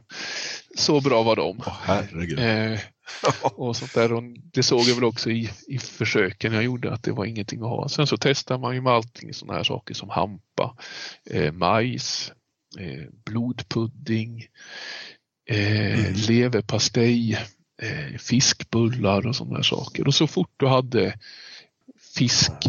fiskbaserat så var det ju borta väldigt snabbt. Jag menar fiskbullar var eh, borta nästan ögonblickligen. Eh, Aha. och sådana här saker. Eh, majs och sådana här saker. Det, det åt de, plockade upp men det kunde aldrig liksom se att det var någon, egentligen någon höjdare. Eh, Andrahandsval ja, hela tiden. Ja, precis. Så det, det, var svårt att konkurrera med till exempel leverpastej och eh, fiskbullar. Ja. Och det, det är väl lite grann vad man ser också när man tittar på andra försöket. Det är klart, du kan byta bort fiskmjölet i en, en boil och använda mjölkprotein och sådana här saker. Men det är svårt mm. att komma fram till att det skulle vara bättre än en bra fisk, ett bra fiskmjöl. Nej. Det är, för jag menar, fisk, det, det, det är det som är hela hemligheten ja, egentligen? Kar, karpen. Ja, karpen, mm. den känner ju att den har rätt sammansättning. Det är ju, det är ju egentligen som, ska jag säga, tittar du på, stoppar du karp i ett eh, akvarium så kommer du se att eh, om du har lite storleksskillnad på dem så kommer du se, helt plötsligt se att den ena fisken där den blir jättemycket större än, än alla andra och att du har helt plötsligt färre fiskar för då, då har den kommit på att den kan äta mm. de allra minsta. Och det finns ju ingenting den växer så bra ah. på som att äta eh, sig själv om man säger så, samma sammansättning som, som den är uppbyggd av om man säger så. Nej, nej just det. Så, så, eh, men det måste vara så ute i naturen också naturligt att det äts mycket småfisk utav karpen? Ja, precis det skulle jag tro. Jag menar jag vet i, eh, när man, eh, vissa som satt och metade abborre nere i, i Hossmån eller liknande så vet jag att de fångade karp på, eh, på liten löja om man säger så. Så det är klart ja. att karpen, kan den eh, plocka en liten fisk så gör den det även om inte den har de reflexerna och den instinkten att det är det den simmar runt och jagar om man säger så. Den äter gärna en död fisk då, alltså du hade kunnat uh, deadbait-fiska den egentligen? Eller? Det har jag aldrig varken hört eller reflekterat på på det sättet. Eh, Mm. De, de är... Jag läste, oh, jag måste bara få berätta, jag läste en engelsk bok. Andra gången jag säger ja, får se hur många gånger det blir. Men eh, där var det just eh, ett franskt karpvatten eh, som var jättetrögt eh, och det fångades inte mycket fiskar där. Men så var det en ålmetare som eh, bad om lov att få fiska ål där. Han hade hört att det fanns stora ålar. Och då fiskade han på, jag tror att det var så groplöja eller någonting som bete eh, använde han. Och han fick så jädra mycket karpar alltså. Han drog alla de stora karparna som fanns i det där karpvattnet och han hade dunderfiske på det. så. Ja, det var bara en parentes. Ja, det är ju intressant alltså. Mm. Jag vet inte, jag har inte hört någon som har fiskat med deadbait eller flötmetat karp med betesfisk på det viset. Men det, jag vet inte, vad, vad tänker du om det? Eh, vad ska man säga? Karpens naturliga eh, fö, födosök sker ner på botten eh, och sådana här saker. Sen, sen har man ju sett när man haft i akvarium att de simmar efter och liksom sväljer en, en hel liten fisk om man säger så. Eh, Mm. Deadbait-fiskar med småfisk, ja varför inte? Jag menar det är ju inte konstigare än att du skulle fiska med med eh, fiskbullar eller liknande egentligen. Så att det är väl det beror väl på om, det, om de är vana vid det hela. Finns det eh, små eh, som du var inne på där i, i det franska vattnet, groplöjor eller finns det små mm. smålöjor eller liknande så det är klart att då, då skulle det kanske fungera bra. Just det, det krävs ju att de är lite präglade på det också kanske. Ja, precis. Annars så behöver de ju ska jag, säga, jag kan tänka mig att en, en död liten fisk luktar inte på samma sätt som vi ser en eh, lite tilltufsad fiskbulle där. Den, den dofterna som den utsöndrar känner ju fisken på ett helt annat sätt. Det är mycket snack om fiskbullar här nu. Har du testat att, att meta på fiskbulle? Ja, det har jag gjort. Eh, Har det? bara svårt att, att få den att sitta tillräckligt länge om man Ja. säger så. Jag tänker så här med ett eh, Arma Mesh borde man kunna knyta till en riktigt fin eh, liten sån här boll utav en... Då borde den inte lösa upp Ja, och sig. dessutom så får den ju ofta då bli lite pop-up eh, alltså av, av själva fiskbullen om man säger så. Ja, för den flyter kanske? Ja, i vissa märken vet jag i alla fall gör det. Ja, okej. Fasen, jag blev lite taggad där. måste jag testa. Fiska med fiskbulle. Men nu man kommer med alla sådana superbra idéer som man ska fånga massvis av fisk med nästa år. Och sen visar det sig att ja, jag vet inte. Jag har faktiskt fått eh, på spinn två karpar i Karsel. Har jag. Eh, det har inte varit några jättestora, det har varit eh, ganska nysatta fiskar men eh, två kilo har jag fått eh, fjällkarp på, på en vit gummijigg. Blev jag rätt förvånad. Jag trodde det var en riktigt stor abborre alltså. Jag tänkte säga hur långt spinnstopp hade du på den, eh, det kastet? Ja, Nej, det var ett helt vanligt jiggkast. Men det var lite i början i Karsel så var det så jädra mycket mört där i. Så eh, de- hade lite, fick tävla lite om maten med mörten alltså. Så de såg inte sådär jättebra ut, eh, karparna där till att börja med. Ganska långsmala och långsamt växande. Innan jag fick bukt med mörten sen. Då, då fick de lite mera utrymme med mat och så. Sen har jag inte fått några spinnkarpar efter det.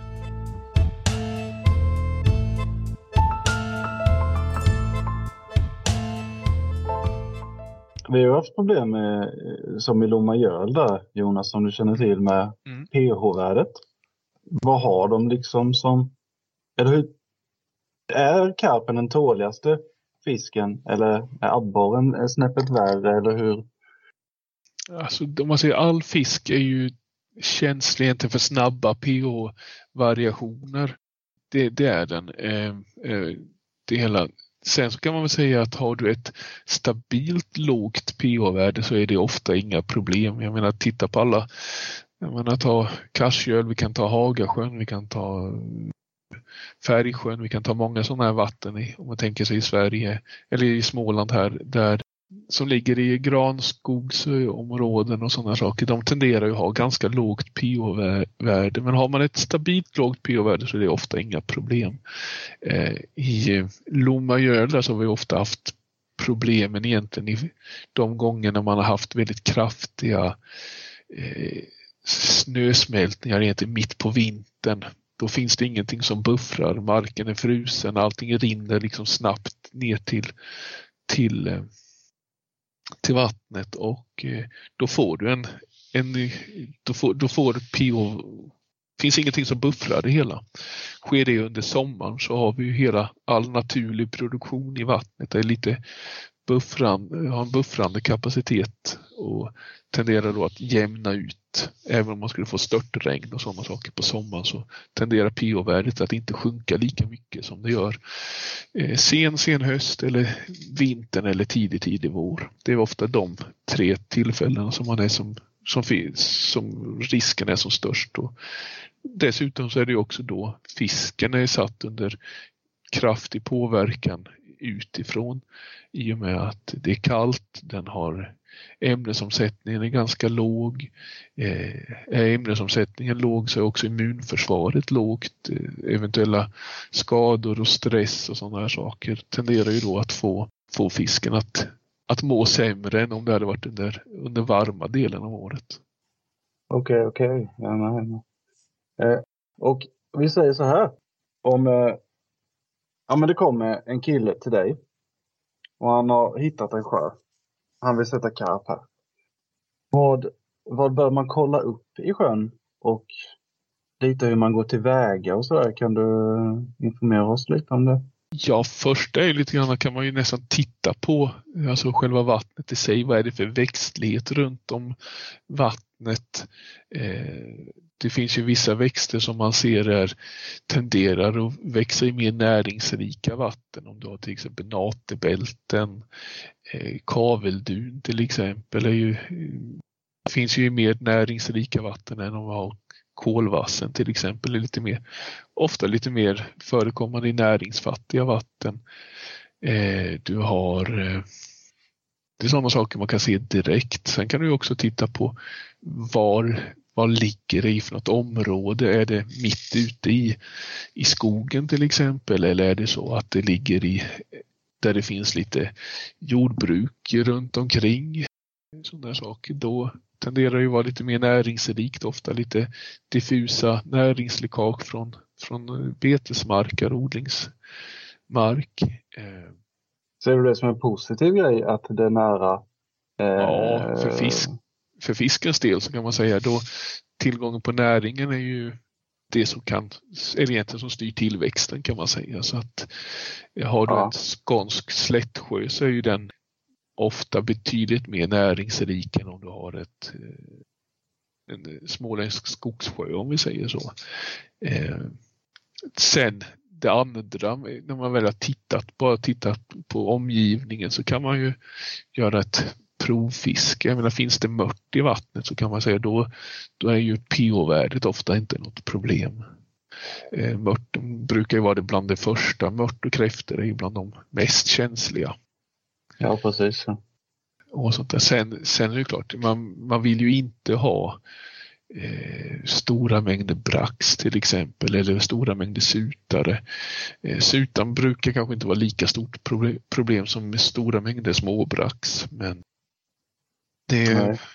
Ja, men himla bra tankar det där. Det är ju lite med konkurrenssituationen där. Och det kan ju ibland göra att ett, även ett näringsfattigt vatten kan vara gynnsamt för karp om konkurrenssituationen är rätt. Kanske inte finns brax, kanske inte finns sutare, kanske bara finns abborre.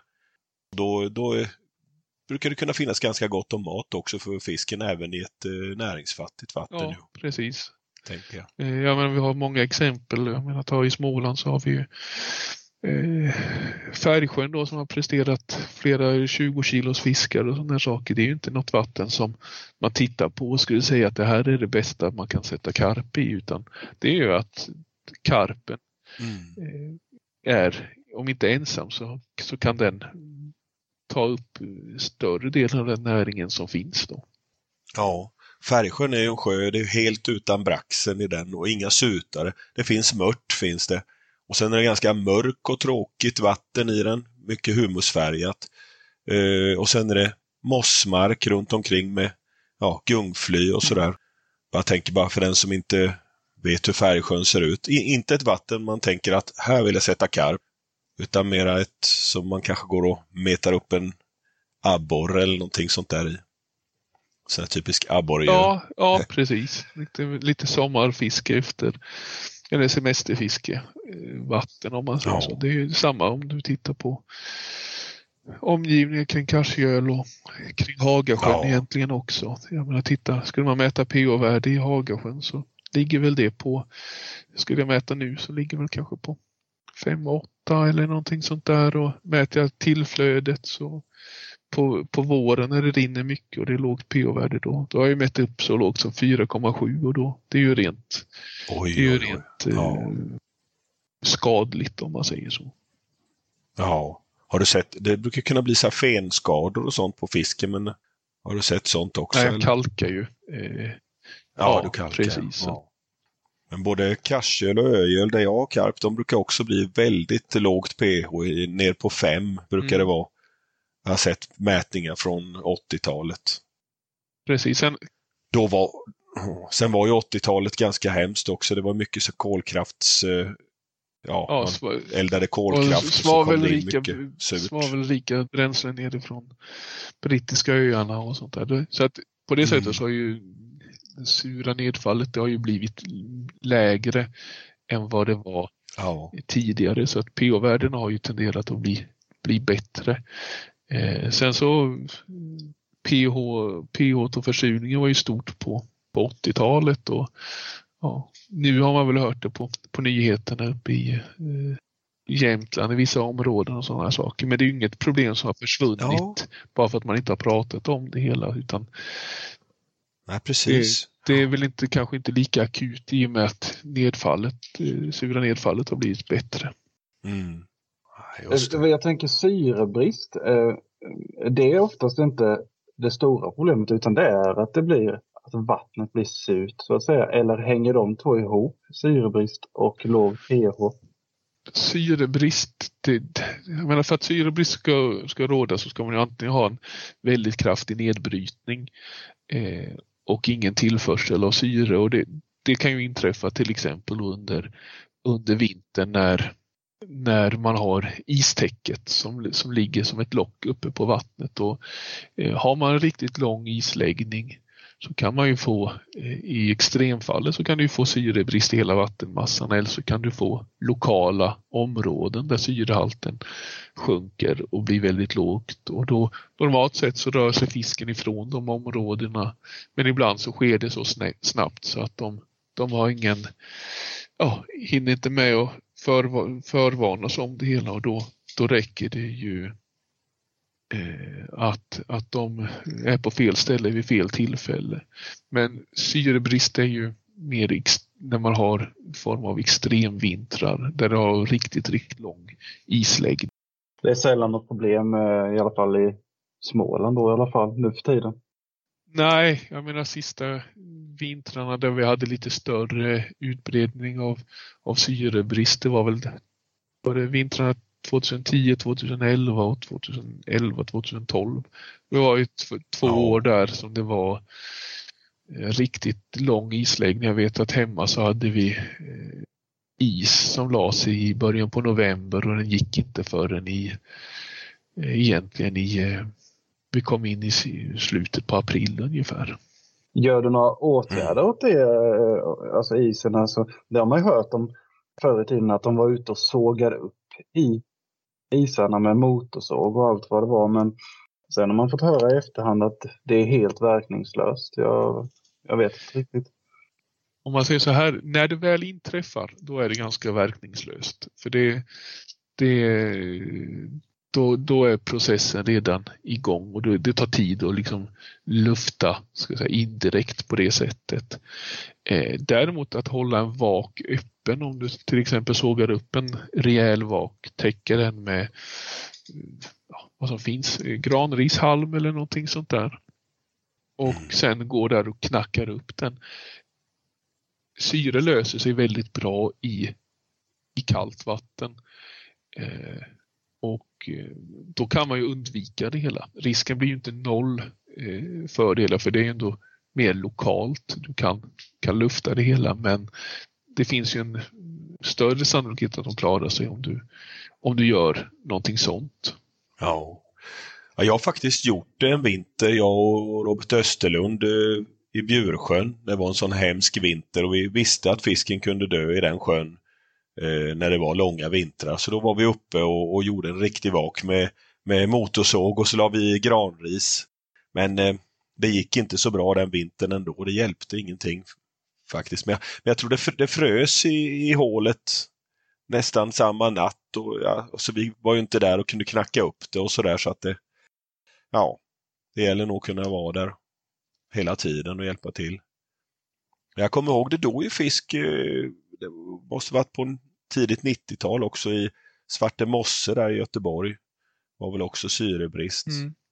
Så då, det händer lite sådana här tråkiga grejer när det, när det blir de här tuffa vintrarna. Ja, de vintrarna där, då var det ju även alltså, riktigt stora sjöar som, som drabbades av, av syrebrist ja. och sådana här saker som, som normalt sett all, aldrig har det hela. Och, jag menar normalt sett även om du har en kall vinter så har du helt plötsligt så kommer det ett blidväder, det smälter lite, då rinner det till Även om det inte öppnar stora vakar eller någonting sånt där så rinner det in lite vatten och då rinner det ut lite vatten ur, ur, vatten, ur sjön eller vattnet och då, eh, då räcker oftast det för att det inte ska bli helt eh, stilla och du inte har någon cirkulation på vattnet. Mm.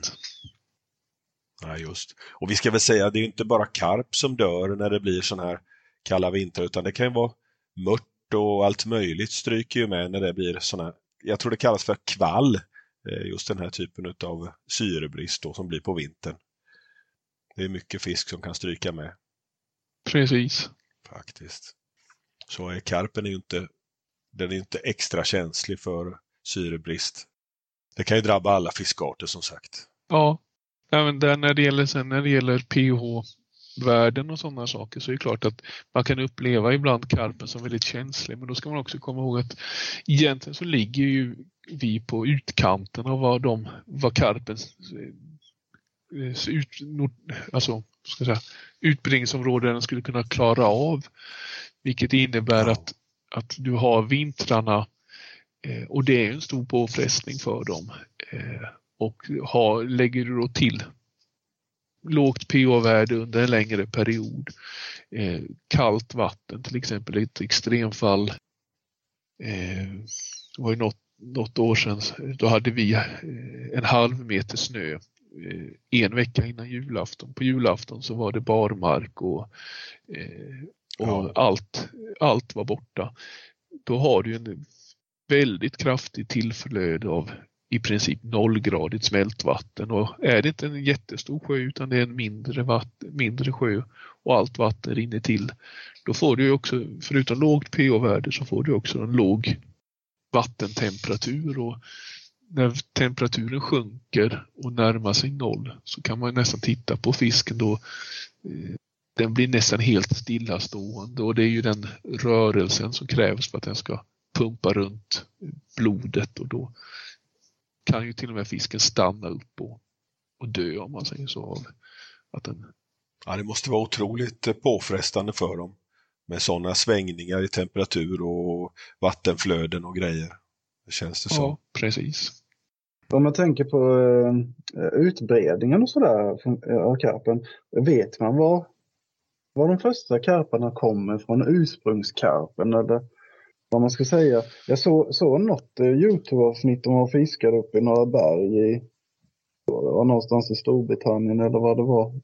Där menar de på att dessa fjällkarparna är så nära du kan komma en ursprungskarp. Vad, vad vet du om det?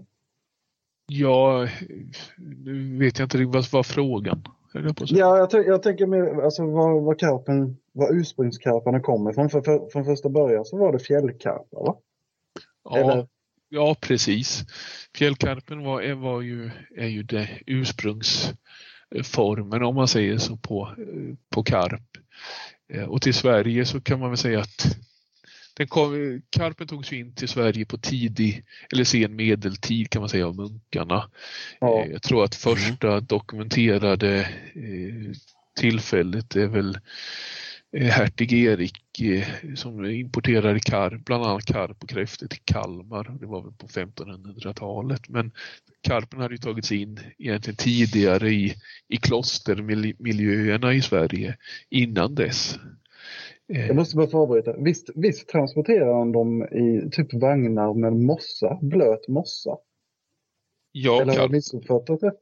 Ja, alltså Ja, karpen kan du ju transportera, bara den hålls fuktig och inte allt för varmt så kan du transportera den på, i blöt mossa väldigt långt. Och det är väldigt roligt att det var så den togs in under medeltiden till Sverige. Och sen på mm. samma sätt så levererades ju fisk ner till eh, Perstorp var ju stora, karpodlingen där nere var ju stor, stor exportör av karp ner till Tyskland det var ju mycket på det sättet som, som karpen exporteras ner dit. Det är helt sjukt ju. Är det de vi kallar för så här Gustavsborgskarpar? Ja, precis. Det är Perstorp. Perstorp. Ja. Så att det var ju... Vilka år pratar vi om där? Har du koll på det ungefär? Jag är väldigt dålig på histor historien ja. kring Perstorp. Där jag vet ju att Perstorp var ju igång och full fart när, när Södra Sveriges fiskeriförening bildades 1906. Eh, ja.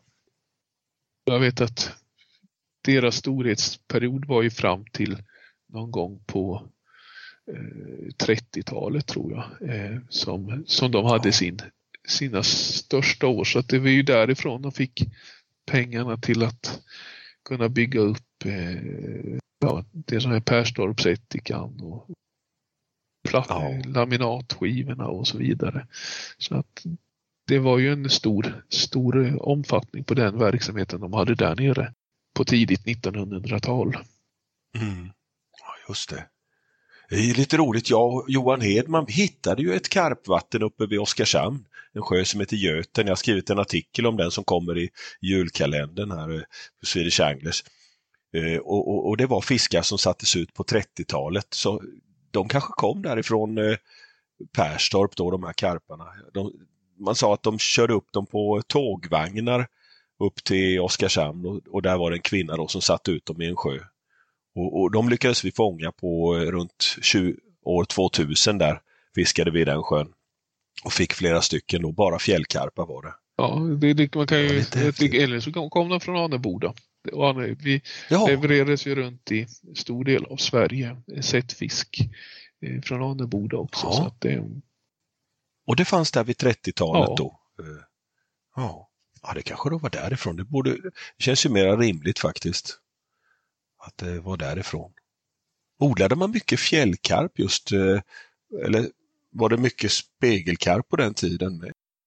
Alltså jag tror inte, jag ska säga att man var eh, så, alltså det är på samma sätt som jag säger att jag odlar spegelkarp.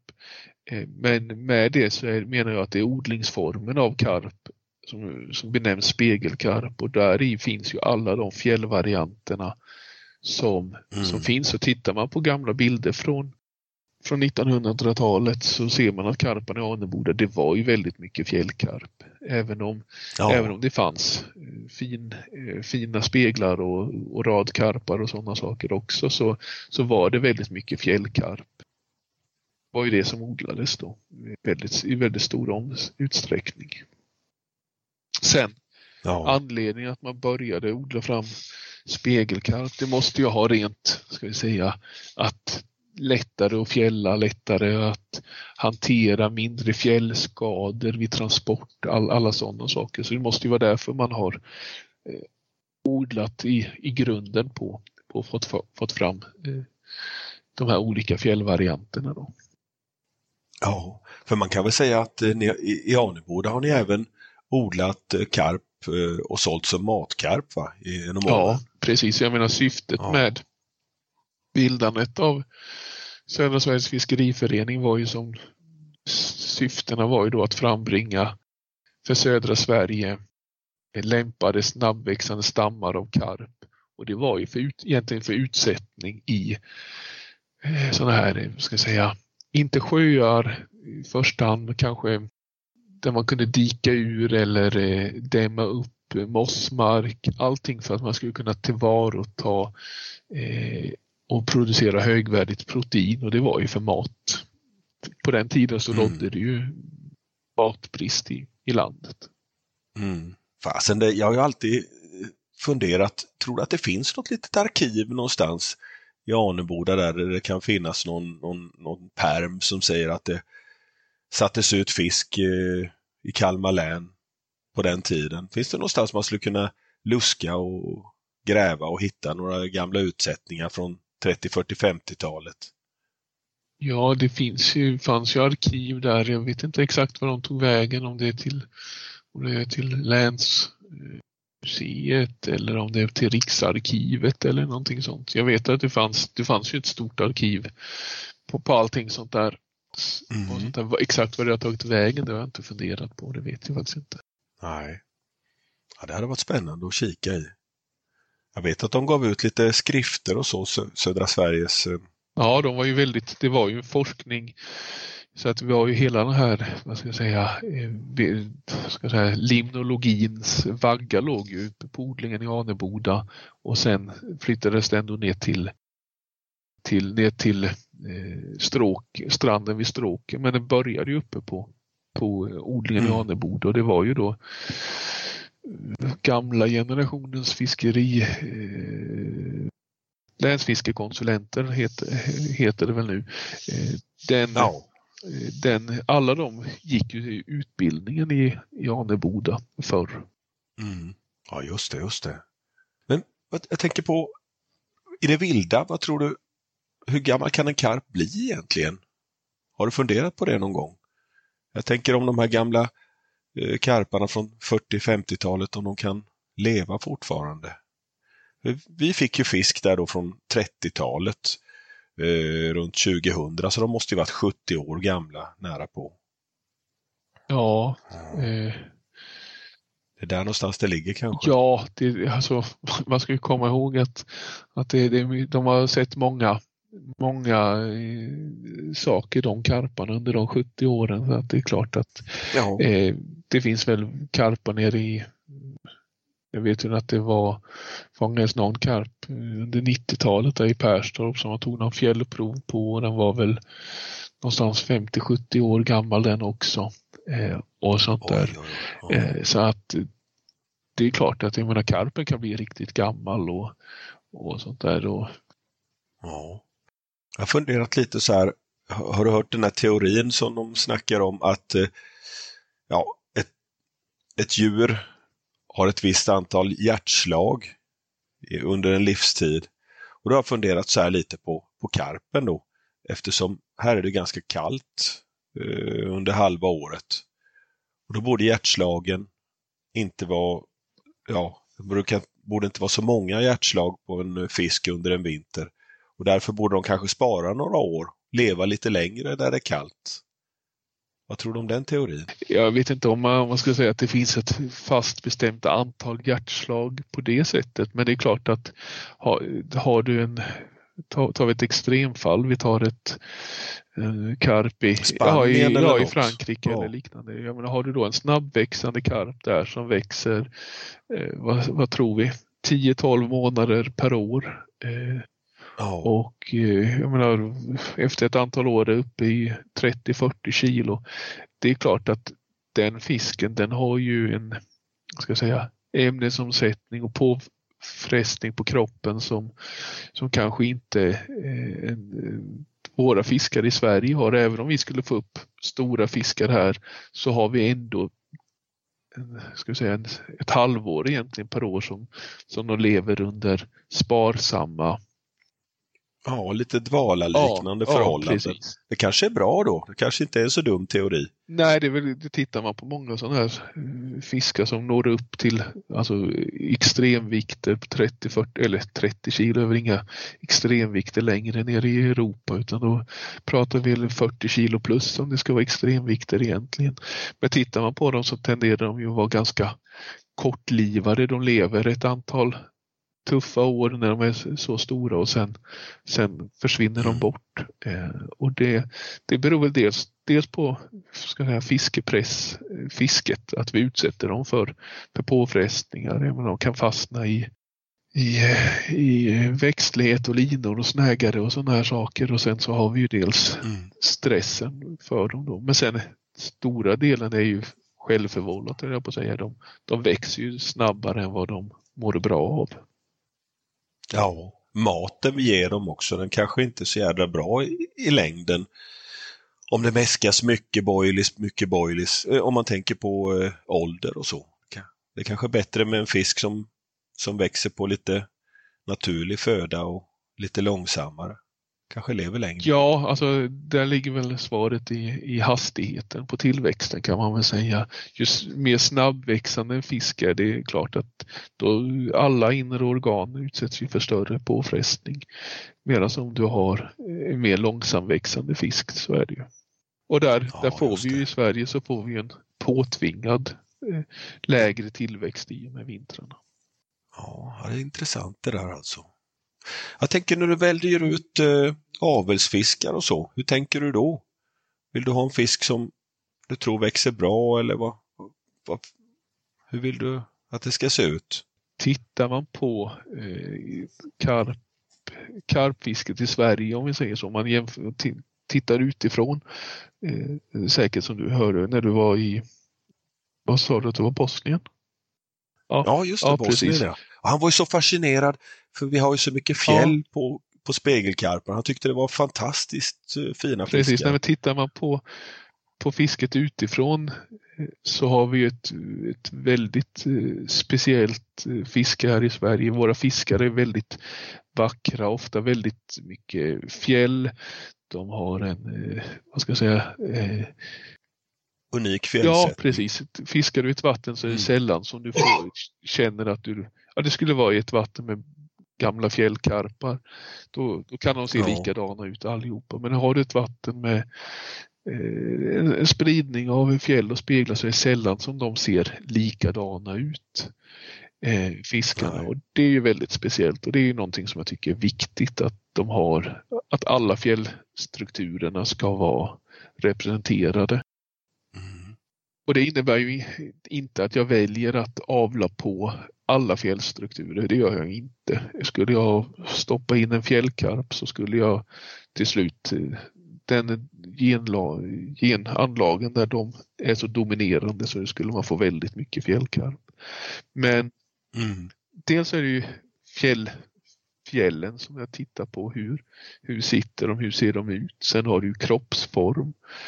Eh, tittar du på Anebodafiskarna så tenderar de att vara vad jag brukar kalla lite bredaxlade fiskarna. Eh, väldigt mycket av vikten ligger egentligen eh, över ryggen snarare än att den har en jättehängbuk. Ja, just det. Eh, det tycker jag är viktigt. Sen, sen så är det klart att jag tittar på sådana saker om, om en fisk har haft en bra tillväxt.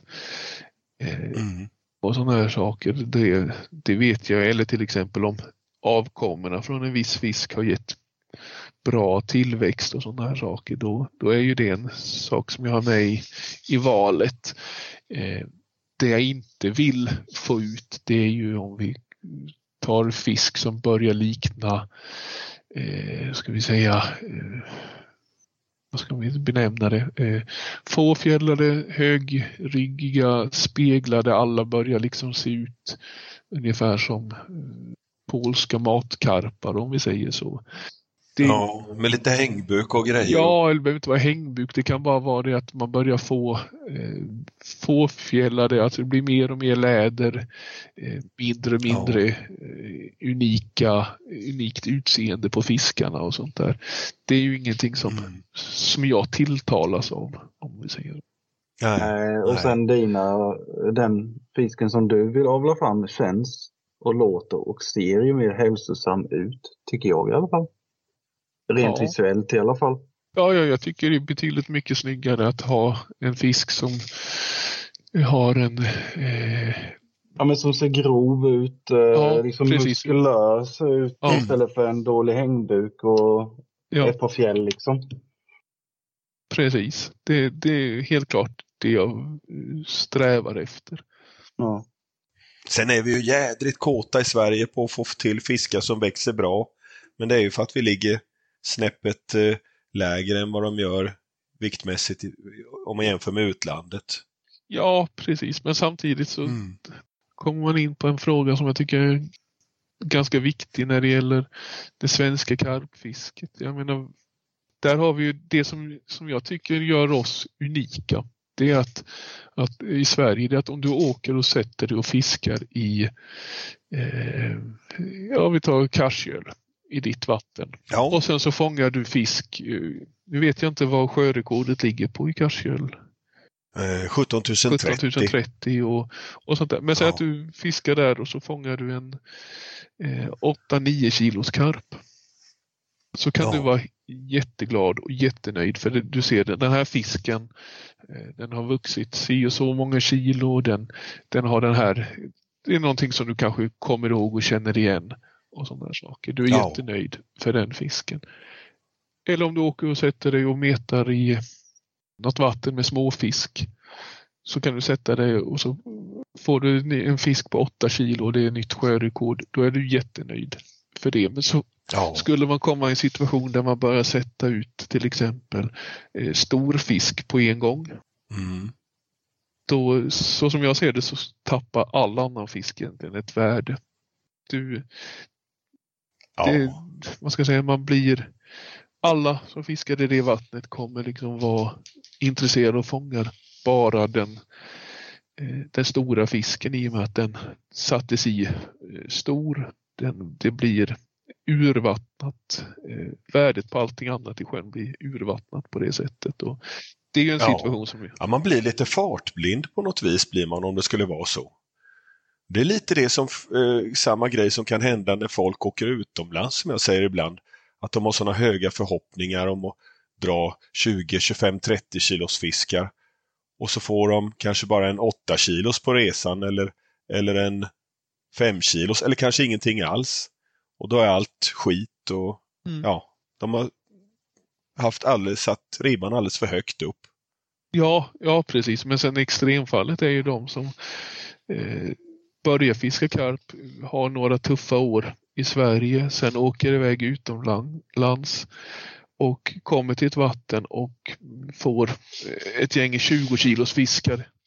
Och sen när de kommer Mm. hem då så känner de sig som kungar och sen så så är det inte så lätt. Det är inte lätt att fånga karp i Sverige. Vi har väldigt, väldigt glesa karpbestånd i Ja. nästan alla vatten. Och Ja, och så lyckas de fånga någonting så är den 8 kilos och då, då är det inte kul. Nej. Ja, jag försöker att se karp, svensk karpfiske, det är en sak. Karpfiske utomlands, det är något helt annat. Man får tänka på att försöka skilja dem åt helt och hållet. Precis som man skiljer abborrfiske och eh, sarvmete. Ja, nej men det är ju, det är ju båda. två helt skilda saker. Jag menar det ena är, åker du dessutom då till ett franskt eh, Pay Lake eller liknande, där är det ju ganska enkelt. Jag menar, de vet att om sjön är eh, si och så här stor, då kan du ha så här många fiskare runt sjön. Väger största fisken eh, 30 kilo, då kan du ta så här mycket betalt per fiskare. Eh, har du dessutom en eh, fisk som är ännu större än det, då kan du ta ännu mer betalt. Så där är det ju väldigt enkelt. Det är ju bara ekonomi på, på det hela där. Därför, Ja. därför väger ju det svenska fisket betydligt högre i mina ögon i och med att det är mer åt det vilda fisket. Ja, Ja, ja ja det är jag satt precis och tänkte på samma sak. Alltså att eh, vilket land du än åker till, eh, Polen, Frankrike, vilket det nu kan vara, då känns det som att all, eller många fiskare är ganska identiska. Så varför skulle vi, vi vilja ha det fisket hemma? Det känns ju som att vi mer har, har det bättre egentligen på så vis. Eh, Frånsett att då de kanske inte är lika stora här eh, generellt sett. Men ändå, ni förstår hur jag tänker. Ja, ja, det blir lite det där att eh, gräset är grönare på andra sidan. Vi, vi ser inte vad vi har riktigt. Nej, ja, en del i alla fall kanske inte gör det. Mm. Nej, precis. Och man, man får också en, vad ska jag säga, vi ser väl lite grann när det är i, eh, tar du eh, extrem, stre, extrema läget, det är ju vad vi metare pratar och tittar på gäddfiskarna när det gäller eh, eh hela den kommersen som det gäller kring, kring själva gäddfisket eller abborrfisket har blivit det också. Det har blivit väldigt, man har kommit väldigt långt ifrån själva fisken och fisket.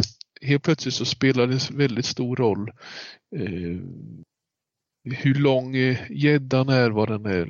Man har fått den på eh, för att du ska kunna marknadsföra den på, på sociala medier och, och skapa dig ett namn. Mm. Tittar man i England nu så har det ju gått, där har ju pendeln slagit över åt andra hållet. Där, där skulle ju många hellre fånga en, en, en fin fisk än en stor fisk. Ja, precis. Ja. ja, men det låter jädra sunt. Ja, jag tycker med det. Fin tanke. Ja, verkligen.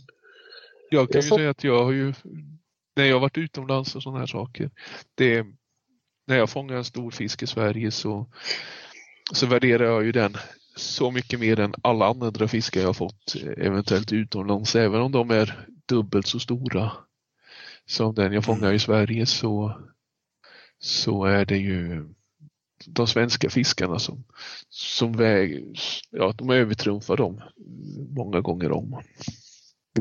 Ni, ni har ju varit på rätt mycket utlandsfiske på, eh, bägge två. Vilka vatten vill ni rekommendera andra att åka till eller var vad tycker ni är det roligaste att fiska, trevligast miljö och allt sådär? Jag höll på att säga, Ja, jag vet. jag höll på att säga att, så att vi inte, Jag vet ju- att vi inte ska säga det i kör, men jag skulle vilja säga eh, bled. Bled. Det, Ja, jag skulle säga det också. Jag vet ett vatten vi har varit i Ja. båda två och det är ju Bled. Och det är ju någonting man måste se alltså om man är karpfiskare. Verkligen. jag, Det är läckert. när jag var där, jag har bara varit där en gång, eh, så kom vi ner och började fiska på, eh, på morgonen och så satt vi där på platsen. Och eh, solen gick upp över eh, eh, Alperna där. Över fjällen och jag bara sa det. Nej, jag är nöjd nu. nu. Jag behöver inte fånga någonting. Jag är nöjd. Jag bara kan sitta här nu och nu är jag nöjd. För, rest, för resten av tiden just miljön runt omkring och sådana här saker är väldigt, väldigt speciellt. Och sen, sen är det ju charm. Jag menar de sätter givetvis i fisk där varje år. Men de sätter alltid in små fiskar. Ja, och, och, för den som inte vet så ligger Bled i Slovenien. Ja, just det. Det är där vi är nu och snackar.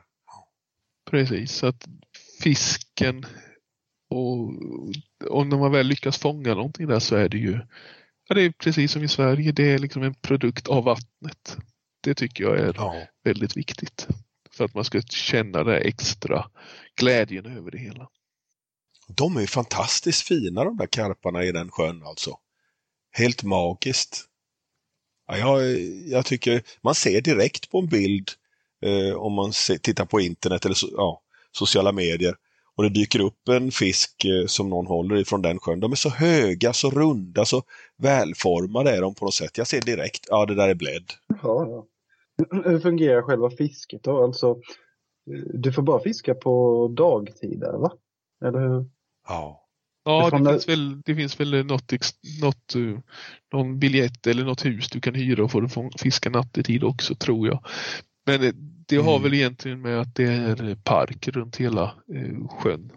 Det är det som styr och, och sätter reglerna för det hela. Du får ju inte tälta, du får ju inte eh, ha öppen låga, så du får inte ha stormkök eller något, något, någonting sånt. Eh, ja, väldigt många sådana såna regler. Och det är ju för att det är park runt hela sjön.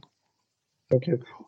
Ja, vi, det, är inte, det är inte oss de vill ha dit utan det, det är så himla mycket andra turister. och Skulle det ligga folk och sova där och, och i massa tält och grejer, det skulle inte bli samma upplevelse för, för de turisterna som kommer dit för att titta på den här fantastiska kyrkan då som ligger ute på en ö. Och det går sådana små gondolbåtar ut som de blir rodda dit. Och, alltså från tidig morgon till sen kväll så håller den där kyrkklockan. Det är ju någon, någonting att man ska ja. gå upp där för den trappan och så ska man ringa i kyrkan och klockan och så ska man önska sig något.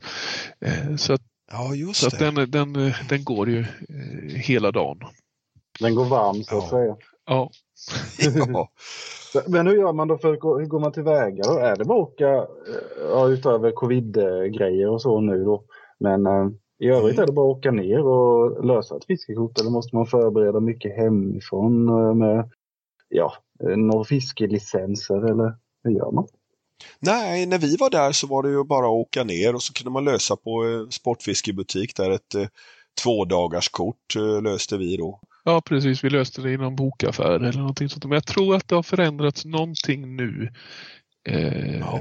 på senare, sista åren. Jag vet inte. Men jag, jag för mig att det är någonting nu att man kanske ska boka någonting för det blev lite väl högt fisketryck i sjön där jag tror. Ja, ja. Eller någonting sånt där. Jag för mig att det kan vara någon förändring där på sistone. Men som sagt, jag vet inte exakt.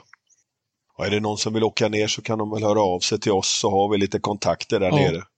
Så, vi kan, så man kan uppdateras med de senaste reglerna. Mm. Och, och, då ligger, då, Bled ligger på absolut första plats då. Det, det var vi överens om. Vad, vad mer kan man åka då? Eh, Kroatien eller ska man åka till Frankrike eller Belgien kanske eller Holland? Eller? Där finns det ju väldigt, väldigt mycket och det beror väl lite grann på vad man är ute efter. Eh, till Bled åker du ju för man ska inte tro att det är lättfiskat på något sätt. Det är många som har varit där nere och vänt och inte, inte fått någonting. Men du åker ner, nästan ner dit för, för miljön. Eh, mm. gör Sen, men sen har du allt annat. Du kan åka till ett vatten för att ha bra fiske och då, då är ju ett, ett, hög, eh, ett vatten med mycket fisk och ett mer pay lake liknande kan ju det vara intressant och då, då har vi ju många svenskar som har varit till eh, Jaroslavki eller eh, eh, vad heter det? Ja, Polen, ja, i Polen. Mm. Eh, och vad heter det andra? Eh, som också ligger där i Polen som var... ja, ja, vad heter det nu igen? Eh, Någonting på G va? Goslavic. Ja, Goslavic. Ja, precis. Mm. Eh, och sånt där. Sen man inte, kan man åka åt andra hållet och då kommer du ju mot Holland, Belgien, Frankrike. Det finns mängder av vatten där. Eh, många, många gamla välkända och väldigt många nya vatten också som Det går att göra lite reklam för både Birgers och Rickards bok där ju. Det finns så mycket tips och grejer där såklart. Ja, ja, Ja. precis. Jag menar, Ja, han, verkligen. han sitter just nu nere i, i Belgien i något nytt vatten, Birger och, och sånt där. Eh, Jaha, ja. Spännande Något alltså. kanalfiske. Jag var typ ju då. nu i... vad sa du? Något kanalfiske av något slag då i Belgien eller? Nej, nej, det här, det här är någon sjö. Någon sjö Okej. Okej. är det. Och sådär. Så att eh, jag vet att eh, Stefan Borg och eh, de har varit nere i lite nystartade vatten nere i Frankrike och sånt där. Så att vill, man- vill man ha lite tips på sånt så är det ju bara att slänga ut en fråga på ja, Swedish Anglers eller på Svenskt Mete eller någonting sånt där. Då finns det många tips att få ganska snabbt där. Genom Svenska Karpklubben också får man Ja. väl säga. Det är ju jättemycket folk som har varit utomlands där och, och har mycket tips. Och jag får väl säga nu, jag måste säga, jag var ju iväg i, i oktober nu i Bosnien. Det var fantastiskt häftigt. Och då tog vi flyget ifrån eh, Skavsta, man kan flyga från Växjö också.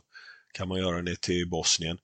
Och det är en kompis som fixar och arrangerar de där resorna, Ernad Alic heter han. Och, och då får man en liten stuga i swimmet som man bor i. Och eh, Jättebra karpfisk. Jag fick eh, tre stycken över 20 kilo på den här resan. Vi var iväg en vecka. God mat och mycket grillat och gott vin och ja, smidigt. Som en optimal ner, alltså. semester.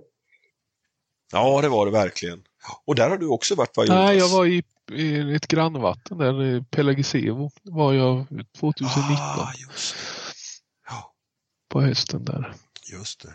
Och det här som jag pratade om, det heter ja, vad som Jezero Jabar. Sabar Ja. och stavas med Z. Ja. Ja, häftigt. ja, det var kul. Riktigt skoj. Fick nytt personbästa där. 25 plus karp. Så det var skoj. Ja, grattis. Tackar, tackar. Ja. Men var har du varit med Jonas? Du har varit på många ställen utomlands. Ja, eh, vad ska man säga? Det senaste var ju eh, i Pelagisevo då och sen var vi i Ja. eh, eh, det ligger ju i eh, Bosnien. Sen var vi, Ja, Bosnien. sen var vi i Serbien i, och nu tappar jag namnet där. Eh, Ja. vad den hette. Det är inte så jädra lätt att komma ihåg Nej, alla de här lustiga. Nej, nej precis. namnen. Men eh, 2019 där, då var jag och Ola nere i eh, och fiskade. Vi hade ett eh, riktigt eh, kul fiske.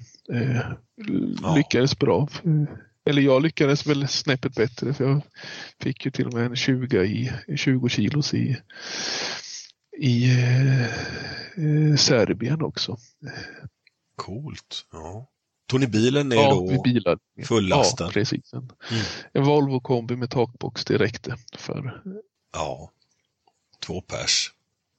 Ja. Det finns massvis av ställen man kan åka till med andra ord. Som är riktigt bra. Ja. Jag, jag, jag måste bara fråga när vi var inne på Bled där. Vad fasen, jag har hört talas om någon, sån här vampy, någon vampyr där nere i, i Bled. Den måste, måste du nästan berätta den historien. Jaha, nej, du menar eh, varulven i Bled? Ja, ja kanske det var. Ja, det var, eh, det var jag och Birger som var nere och fiskade. Vad kan det ha varit? 2016 tror jag. Och eh, Ja. eh, sista dagen så sa vi så här, nu, nu kör vi all in, nu, nu tän- tänjer vi på gränserna maximalt. Eh, så att eh, vi, vi skippar, vi går inte tillbaks till hotellrummet som, utan vi, vi ligger kvar vid sjön. Jaha. Och eh, ja, vi vad var det, vid 11, 12 så då vevade vi upp spöna för de, de har ju vakter som, som patrullerar runt i parkerna på, på nätterna så att då nattetid då, då ska man Mm. inte ha spöna ute. Men vi, vi vevade upp och sen så skulle vi sova där. Det var ju bara det att det blev ju jäkligt kallt på natten. Och eh, Ja. Vi, ja, när det är kallt, vi hade inga eh, sovsäckar eller någonting sånt där utan vi låg i jacka och mössa och vad vi hade på oss. Och så ligger man där och man somnar till och så fryser man lite och så var jag upp och vandrade runt lite och sen så såg jag Birger låg och sov ja, till vänster om mig på den platsen. Och så gick jag och la mig och så somnade jag om. Och så helt plötsligt Ja. så vaknade jag. Bara kommer något skrikande rakt emot mig. Och jag vaknar upp, tittar och det är någonting som lyser och skriker. Och jag, jag hinner tänka, fy tänka så att ja, han, han ska döda oss, han ska döda oss. Han ska äta upp oss. Det är, det är kannibal där. Jag hann tänka så många tankar på den där korta, korta tiden. Så tänkte jag, jag har, ing, har ingenting, jag har ingen kniv, jag har ingenting. Vad ska jag göra? Så låg jag där och tänkte bara, vet du, jag har pannlampan på huvudet. Så att om jag väntar lite så tänder jag pannlampan, trycker tre gånger så får jag starkaste ljuset. Mm. Och sen så flyga på honom så kanske Birger vaknar och eh, ja, så här. Så att ligger där och bara väntar. Han ska... Det låter som en jävla dröm. ja, alltså. ja, ja, precis. Alltså jag, Värsta liksom, så jag är helt övertygad om att han ska eh, döda oss. Och Jaha. så väntar jag lite grann och sen så när han kommer lite närmare så tänder jag pannlampan och bara vrålar och så ska jag flyga upp. Precis då när jag ska flyga Ja. på honom så inser jag att det här är någonting som är fel. För att Ja. han lyser ju. Personen lyser ju. Hela Ja, människan. precis. Och Ja. hörde jag Birger börja skratta. Då, då har han vaknat, vaknat upp och så har han gått runt Ja. på, på, eh, ja, på platsen där och så ser han att det kommer någon gående på stigen längre bort. Jaha, mitt i natten där är en människa. Precis, utan den personen har Ja. ingen pannlampa eller någonting utan han bara går där i mörkret. Så Birger ställer sig Ja. där vid stigen och sen så när personen kommer lite, lite närmare då tänder han pannlampan på honom och den personen blir ju rädd och börjar skrika och springer då rakt emot mig. Ja. Och då, det är då därför jag då tror att han kommer och ska döda, döda oss. Och sen så då Ja. hoppar jag fram och tänder min pannlampa rakt i ansiktet på honom och börjar skrika. Ja. Och hade jag, ja, jag vet inte exakt vad det var som fick som stoppade mig men jag insåg att någonting är fel i alla fall. Så hade det gått dit en liten stund till då hade jag flygit på honom. ja. Men fan tog han vägen sen? Ja, men alltså, han var ju på väg ut i sjön. Alltså, Ja. det, han, han var ju livrädd stackars person som, som gick runt, gick där, skulle ha en lugn promenad. Alltså jag vet inte vad han skulle för om man varit vid, vid Bled där så du har ju då eh, staden och så har du det där lilla andra området. Men där vi låg Ja. och det åt det hållet han gick så var det campingen och den är en bra bit bort ja, det är Eh, den. Ja. från där vi låg och ja, eh, han, jag, jag sa det att det måste ju stå i tidningen, han kan ju inte överleva, han måste ju ha dött av hjärtinfarkt. Alltså, den, Ja, precis. Alla gånger.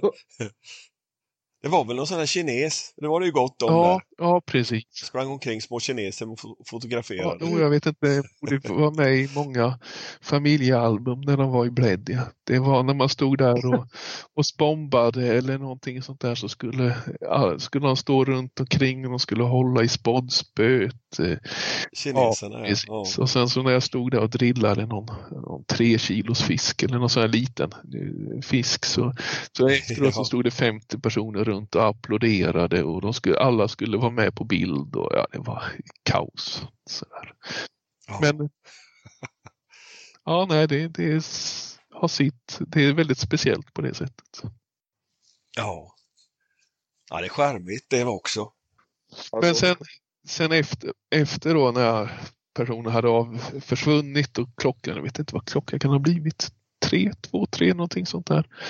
Då Ja. eh, kastade vi ut spöna igen och eh, eh, fiskade. Det här var ju då sista morgonen Ja. som vi skulle fiska. Dagen efter skulle vi åka tillbaks hem så att eh, eh, eller inte dagen efter utan vi hade en natt på hotellrummet innan vi åkte hem.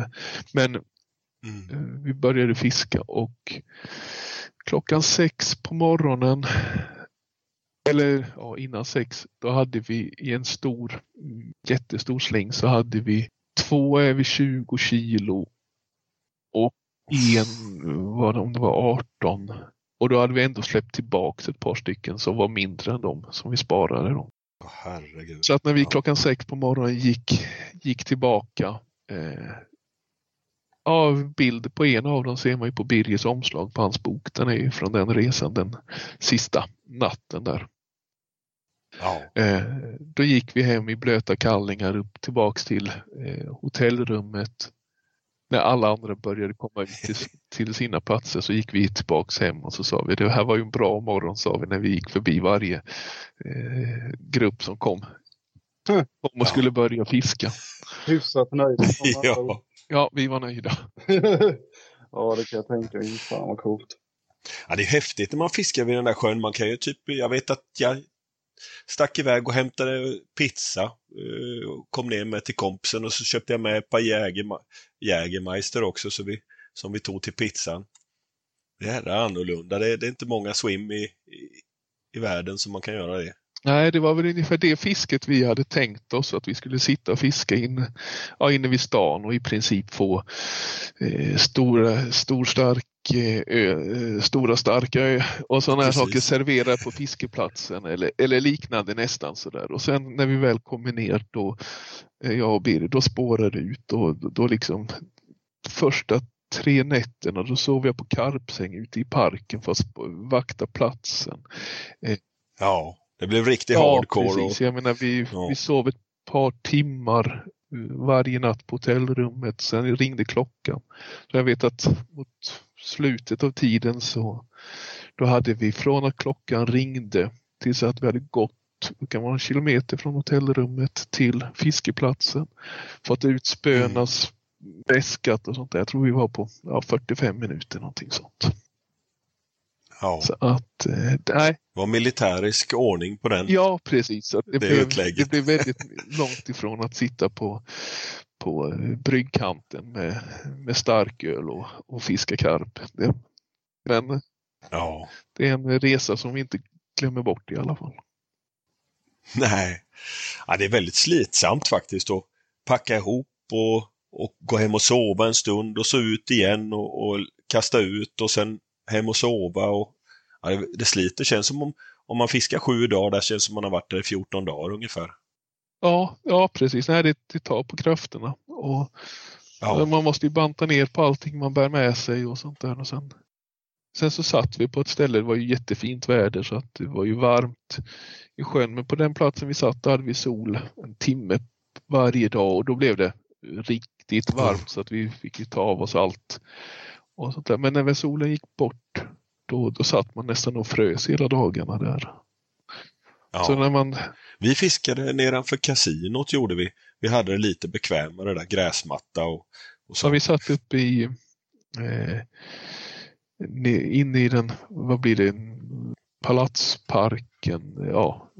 Ja, just Ja. det. Titos ja, ja, det. villa ja, nedanför lite va? Ja, Ja. precis. Just det. Ja, för han har ju sitt, eh, eller han hade ju där sitt eh, gamla sommarpalats Ja. där, Tito. Eh, Den eh, jugoslaviske ledaren där. Det var lite häftigt att se det också. Ja, det kan jag tänka. Ja. Sista kvällen då, när vi var där, då kopplade vi av lite. Då åkte vi över och satte oss på en plats. För det, det var ett stånd på andra sidan, alltså en, ett marknadsstånd då. på andra sidan. Och där kokade de på lite varmt vin, och lite, både rött och vitt. Och sen kunde man köpa lite chips och grejer där. Och så stod det lite folk utanför det där marknadsståndet på kvällen. Så då passade vi på och hade våra spön där sista kvällen och fiskade. Det var jäkligt kul faktiskt. Träffade mycket uh, udda filurer. Och sen hamnade vi på någon, uh, någon skojig pub i någon källare också som, som fanns där uppe i byn. Och ja, vad jäkla skoj var det faktiskt. Ja, häftigt. Det finns mycket man kan göra. Ja, ja. Var Det ni, kan var hända ni uppe mycket på på, slott, slottet då? Nej, vi gick Nej. aldrig upp dit ja. Ja, för det ska vi väl säga att det, det, sitter man nere vid sjön så på natten så eh, är det strålkastare som lyser upp ett slott uppe på ett berg. Det ser så jädra mäktigt ut. Dit kan man promenera upp Ja, vi också. tog någon dag när vi inte fiskade så var vi där uppe. Vi- Birger fyllde ju Ja. 40 den resan. Så att firade honom en, en dag också tror jag. Ja, eller ja, det gjorde vi. Så att då var det inget, inget fiske den, den dagen. Nej. Ja, jäkla trevligt. Det behöver inte bara vara fiske på de där utlandsresorna tycker jag. Det kan vara mycket annat Nej, skoj nej också för mig så är ju, uppleva. är ju karpfisket det är ju tre saker som jag tycker är väldigt viktigt. Det ena är ju naturen. Ja. Eh, det ska liksom vara kännas eh, naturligt runt omkring där man, där man fiskar. Det, an, det Mm. andra är eh, vänner. Det behöver inte alltid vara att man fiskar med någon men du har det här, ja man pratar med Ja. vänner runt omkring, man pratar om fisket och sånt där. Och sen så är det ju klart då, det ska liksom vara eh, fisk man vill fånga. Det ska liksom vara lite attraktiva fiskar också. Det, det kan vara allt från att det är väldigt vackra fiskar till att eh, ja, det är klart man åker och fiskar i ett vatten där kanske där inte omgivningen är väldigt eh, vacker och speciell men man har chans på väldigt eh, mycket fisk eller väldigt stor fisk. Det är klart att då, man kan kompromissa. Ja. Men det, liksom man får ihop alla de tre så är det som, som bäst. Ja. ja, men det tycker jag är riktigt bra sammanfattat. Tre bra komponenter som gör en utlandsresa riktigt kul. När man får ihop det på det här viset.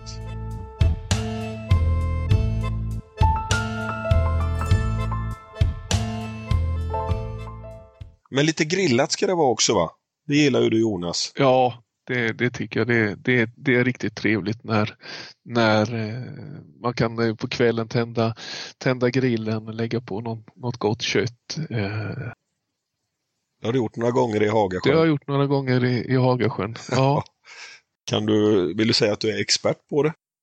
eh, nej, inte jag. Jag, jag vill inte säga det, Nej. men jag vet att många andra tycker att jag är, rikt, att jag är riktigt duktig. Vi hade Jag har hört det med. Vi var, ett, eller det var ett par det var tyskar som var uppe och egentligen fiskade gädda i eh, Sverige.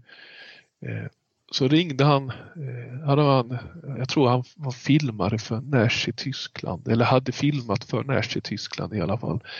Så han hade ju pratat med eh, Erland och de, han hade varit i, var ju i Sverige och fiskade gädda då, så han ringde mig och så ja, berättade han var från Tyskland, han var här uppe på semester och sådana saker. Jag trodde ju först att det var en, ja, alltså en vanlig tysk eh, sommar, eh, tysk om man säger så, som ringde. Innan jag fattade att, Ja, att, ja. han, att det var en riktig karpmetare så, så var jag lite, kanske lite Mm. avvaktande innan jag så här. Men när han väl, ja, så det var ledigt i Haga just den, den veckan så då fick han komma upp och där sa jag det att jag måste ju bjuda på grillat en kväll och eh, den kväll vi valde Jaha. var ju givetvis den kvällen det regnade och sådana här saker. De frågade ska du verkligen grilla och kan du grilla? Ja visst, det är klart vi ska grilla. Så att jag tände, på, tände grillen och, och grillade där i, i regnet och sen när allting var färdigt och då slutade det regna så vi kunde sätta oss och äta och, och sånt där. De sa ju det att det här, det här köttet det, det, det hade du fått betala mycket för på en restaurang i Tyskland. Och det, det fixar svänger du ihop här i, i skogen. Eh, så de var, de var imponerade i alla fall. Ja. Vad har du för favoritkött på grillen? Ja, eh, ja men nu- ja, en, en fläsk, eh, en riktigt, riktigt bra fläskfilé eh, på, på grillen som du kan krydda till och, och pensla på lite un, under grillningen och sen eh, skivad potatis eh, med smör och kanske lite morötter och lite kryddor i, i folie till det. Det, det är svårslaget. Jag blir hungrig bara jag tänker på det. ja, jag med. Och Ingen sås? Eh, ja, jag är väl inte så mycket såslagare, men det är klart, det, det har man ju Nej. med några burkar av lite, lite god grillsås och lite sånt i, i ryggsäcken. Så. Och dryck då? Bärs eller ska det vara någon cola eller vad, vad tänker vi? Nej, men där är det väl öl och gärna några stycken öl när man grillar. Det, det är väl riktigt fint. Och, 10-12? ja, nej, kan, kanske inte 10-12. Det, men där är det fler än, fler än ett par stycken i alla fall. Ja, en, en under och en innan och en efter. Ja. Och, kanske, och en till efterrätt. Ja, jag grillar gärna hela bitar kött så det tar ju lite tid så man hinner kanske tre, fyra under. ja, det. ja, det är inte fel. Det är inte fel. Det ska inte gå, lång- det ska Har du någon favoritöl, gå eller? snabbt i alla fall. Nej. Har du någon favoritöl eller? Eh, Ljuslager är väl, går ju alltid eh, hem om den är lite kyld och sånt där. Eh, Nej, men jag dricker väldigt mycket, väldigt olika öl gör jag faktiskt. Eh, tycker var ganska kul, eh, han eh, Esbjörn från eh, vad är det, Länghem. Ja, just det. Mm. brygger ju egen och sånt där. Fått några flaskor. Det är, alltid kul att testa på, på någonting nytt och sånt där också. Ja, de är jätteduktiga. Vad goda de ölen är alltså. Länghem, eh, vad fasen heter de? Det? Weekend eh, Bankside Warrior och. Bankside Beer. Ja, precis. Ja, Lite olika. Ja, ja, de har verkligen goda öl alltså. Jag har också fått några stycken utav dem att testa. Och eh, det, jag har faktiskt beställt några utav dem nu till våren. Ska de fixa så jag får några egna öl med egen etikett. Kashi-öl ska de heta. ja, det var bra. med Ja. eller utan laxolja i då. ja. De hade gjort några eh, med eh, SBMs eh, MP1, alltså den eh, eh, lite mer mjölkiga, nötiga. Eh, de hade nog haft i lite av den eh, dippen tror jag i, i det hela. Så de hade, hade några sådana öl. Det vet jag. Ja. De hade experimenterat med, med lite sånt också. Ja, Fick du smaka eller? Jag minns faktiskt inte, eller jag vet, jag vet bara att det pratades väldigt mycket om det hela. Eh, jag vet att Birger fick ett gäng av det hela. Vi skulle testa det på någon SPM-träff vet jag. Men jag kommer inte ihåg om det Ja, blev men ingen kommer ihåg någonting. 15 Det är procent. bra. Nej, de är nog inte så, så starka. Är de inte. ja. Nej. Ja, men vi börjar väl närma oss uh, att runda av eh, snart. Så får jag börja knyta ihop säcken. Men jag har en, eh, en liten fundering som jag skulle vilja ställa innan vi, vi säger farväl. Och var om det här förslaget som HaV kom med om att förbjuda nyetableringar eller nyetablerade karpvatten. Vad hände med det? Eh, är det helt nedlagt eller? Eh, ja, det kom ju in ganska skarpa eh, remissvar, bland annat då från, eh, från mig och Aneboda då och sen även från Karpklubben och Sportfiskarna och sådana här saker. Så att eh, nej, det, det förslaget att eh, förbjuda eh, eh nyutsättning av karp, det, det, det försvann. Däremot så, så har, de ju, har ju Länsstyrelsen alltid applicerat en väldigt restriktiv hållning på, på det hela på, på gott och ont. Jag menar det finns många vatten som det kanske inte ska sättas ut karp i och det finns säkert många vatten som de har gett avslag som det inte skulle vara någon skada att sätta ut karp i också. Men eh, det har i alla fall inte blivit något förbud för det hela. Nej, nej. Ja, men det var väl, var väl för väl det då. Ja, Då verkligen. behövde vi inte avsluta podden i, i, i negativ anda. Nej, precis. Det blir i dur. Ja, det blir det idag också. I öl och grillningens tecken. Har vi något mer vi vill ta upp sådär? Du vill ta upp Jonas eller Palle? Jag tyckte de, frå- de punkterna ni hade förberett in, i början, innan vi började prata, var väl ganska bra. Sen så vet jag inte vad som har hänt, hände med den eh, listan egentligen. Du tycker vi har svävat iväg lite? Jag, vet, jag tänkte kanske föreslå att vi skulle börja inspelningen nu och gå igenom frågorna. Ja, ja, ja lite så. det finns ju... Ja, det, det betyder väl nästan att det finns upplägg för ännu en podd en vacker Ja, dag. det tycker Prata ännu mer. Ja, det går ju, går ju, går ju att prata till oändligheten. Ja, det här var riktigt roligt Jonas eh, och eh, vi får tacka dig så hemskt Ja, mycket. tack så jättemycket. Ja, tack själva och kul att, kul att få vara med och ni gör ett bra eh, jobb till och med så att jag har lyssnat på björknafiske och, och sånt där även om jag aldrig har fiskat björkna och sådana här saker så, så har jag lyssnat Underbart. på det hela så att det, ja, ni gör ett bra, bra jobb. Tack så mycket. Tack. Men vi får väl eh, vi får Ja. återkomma med en eh, del två snart då.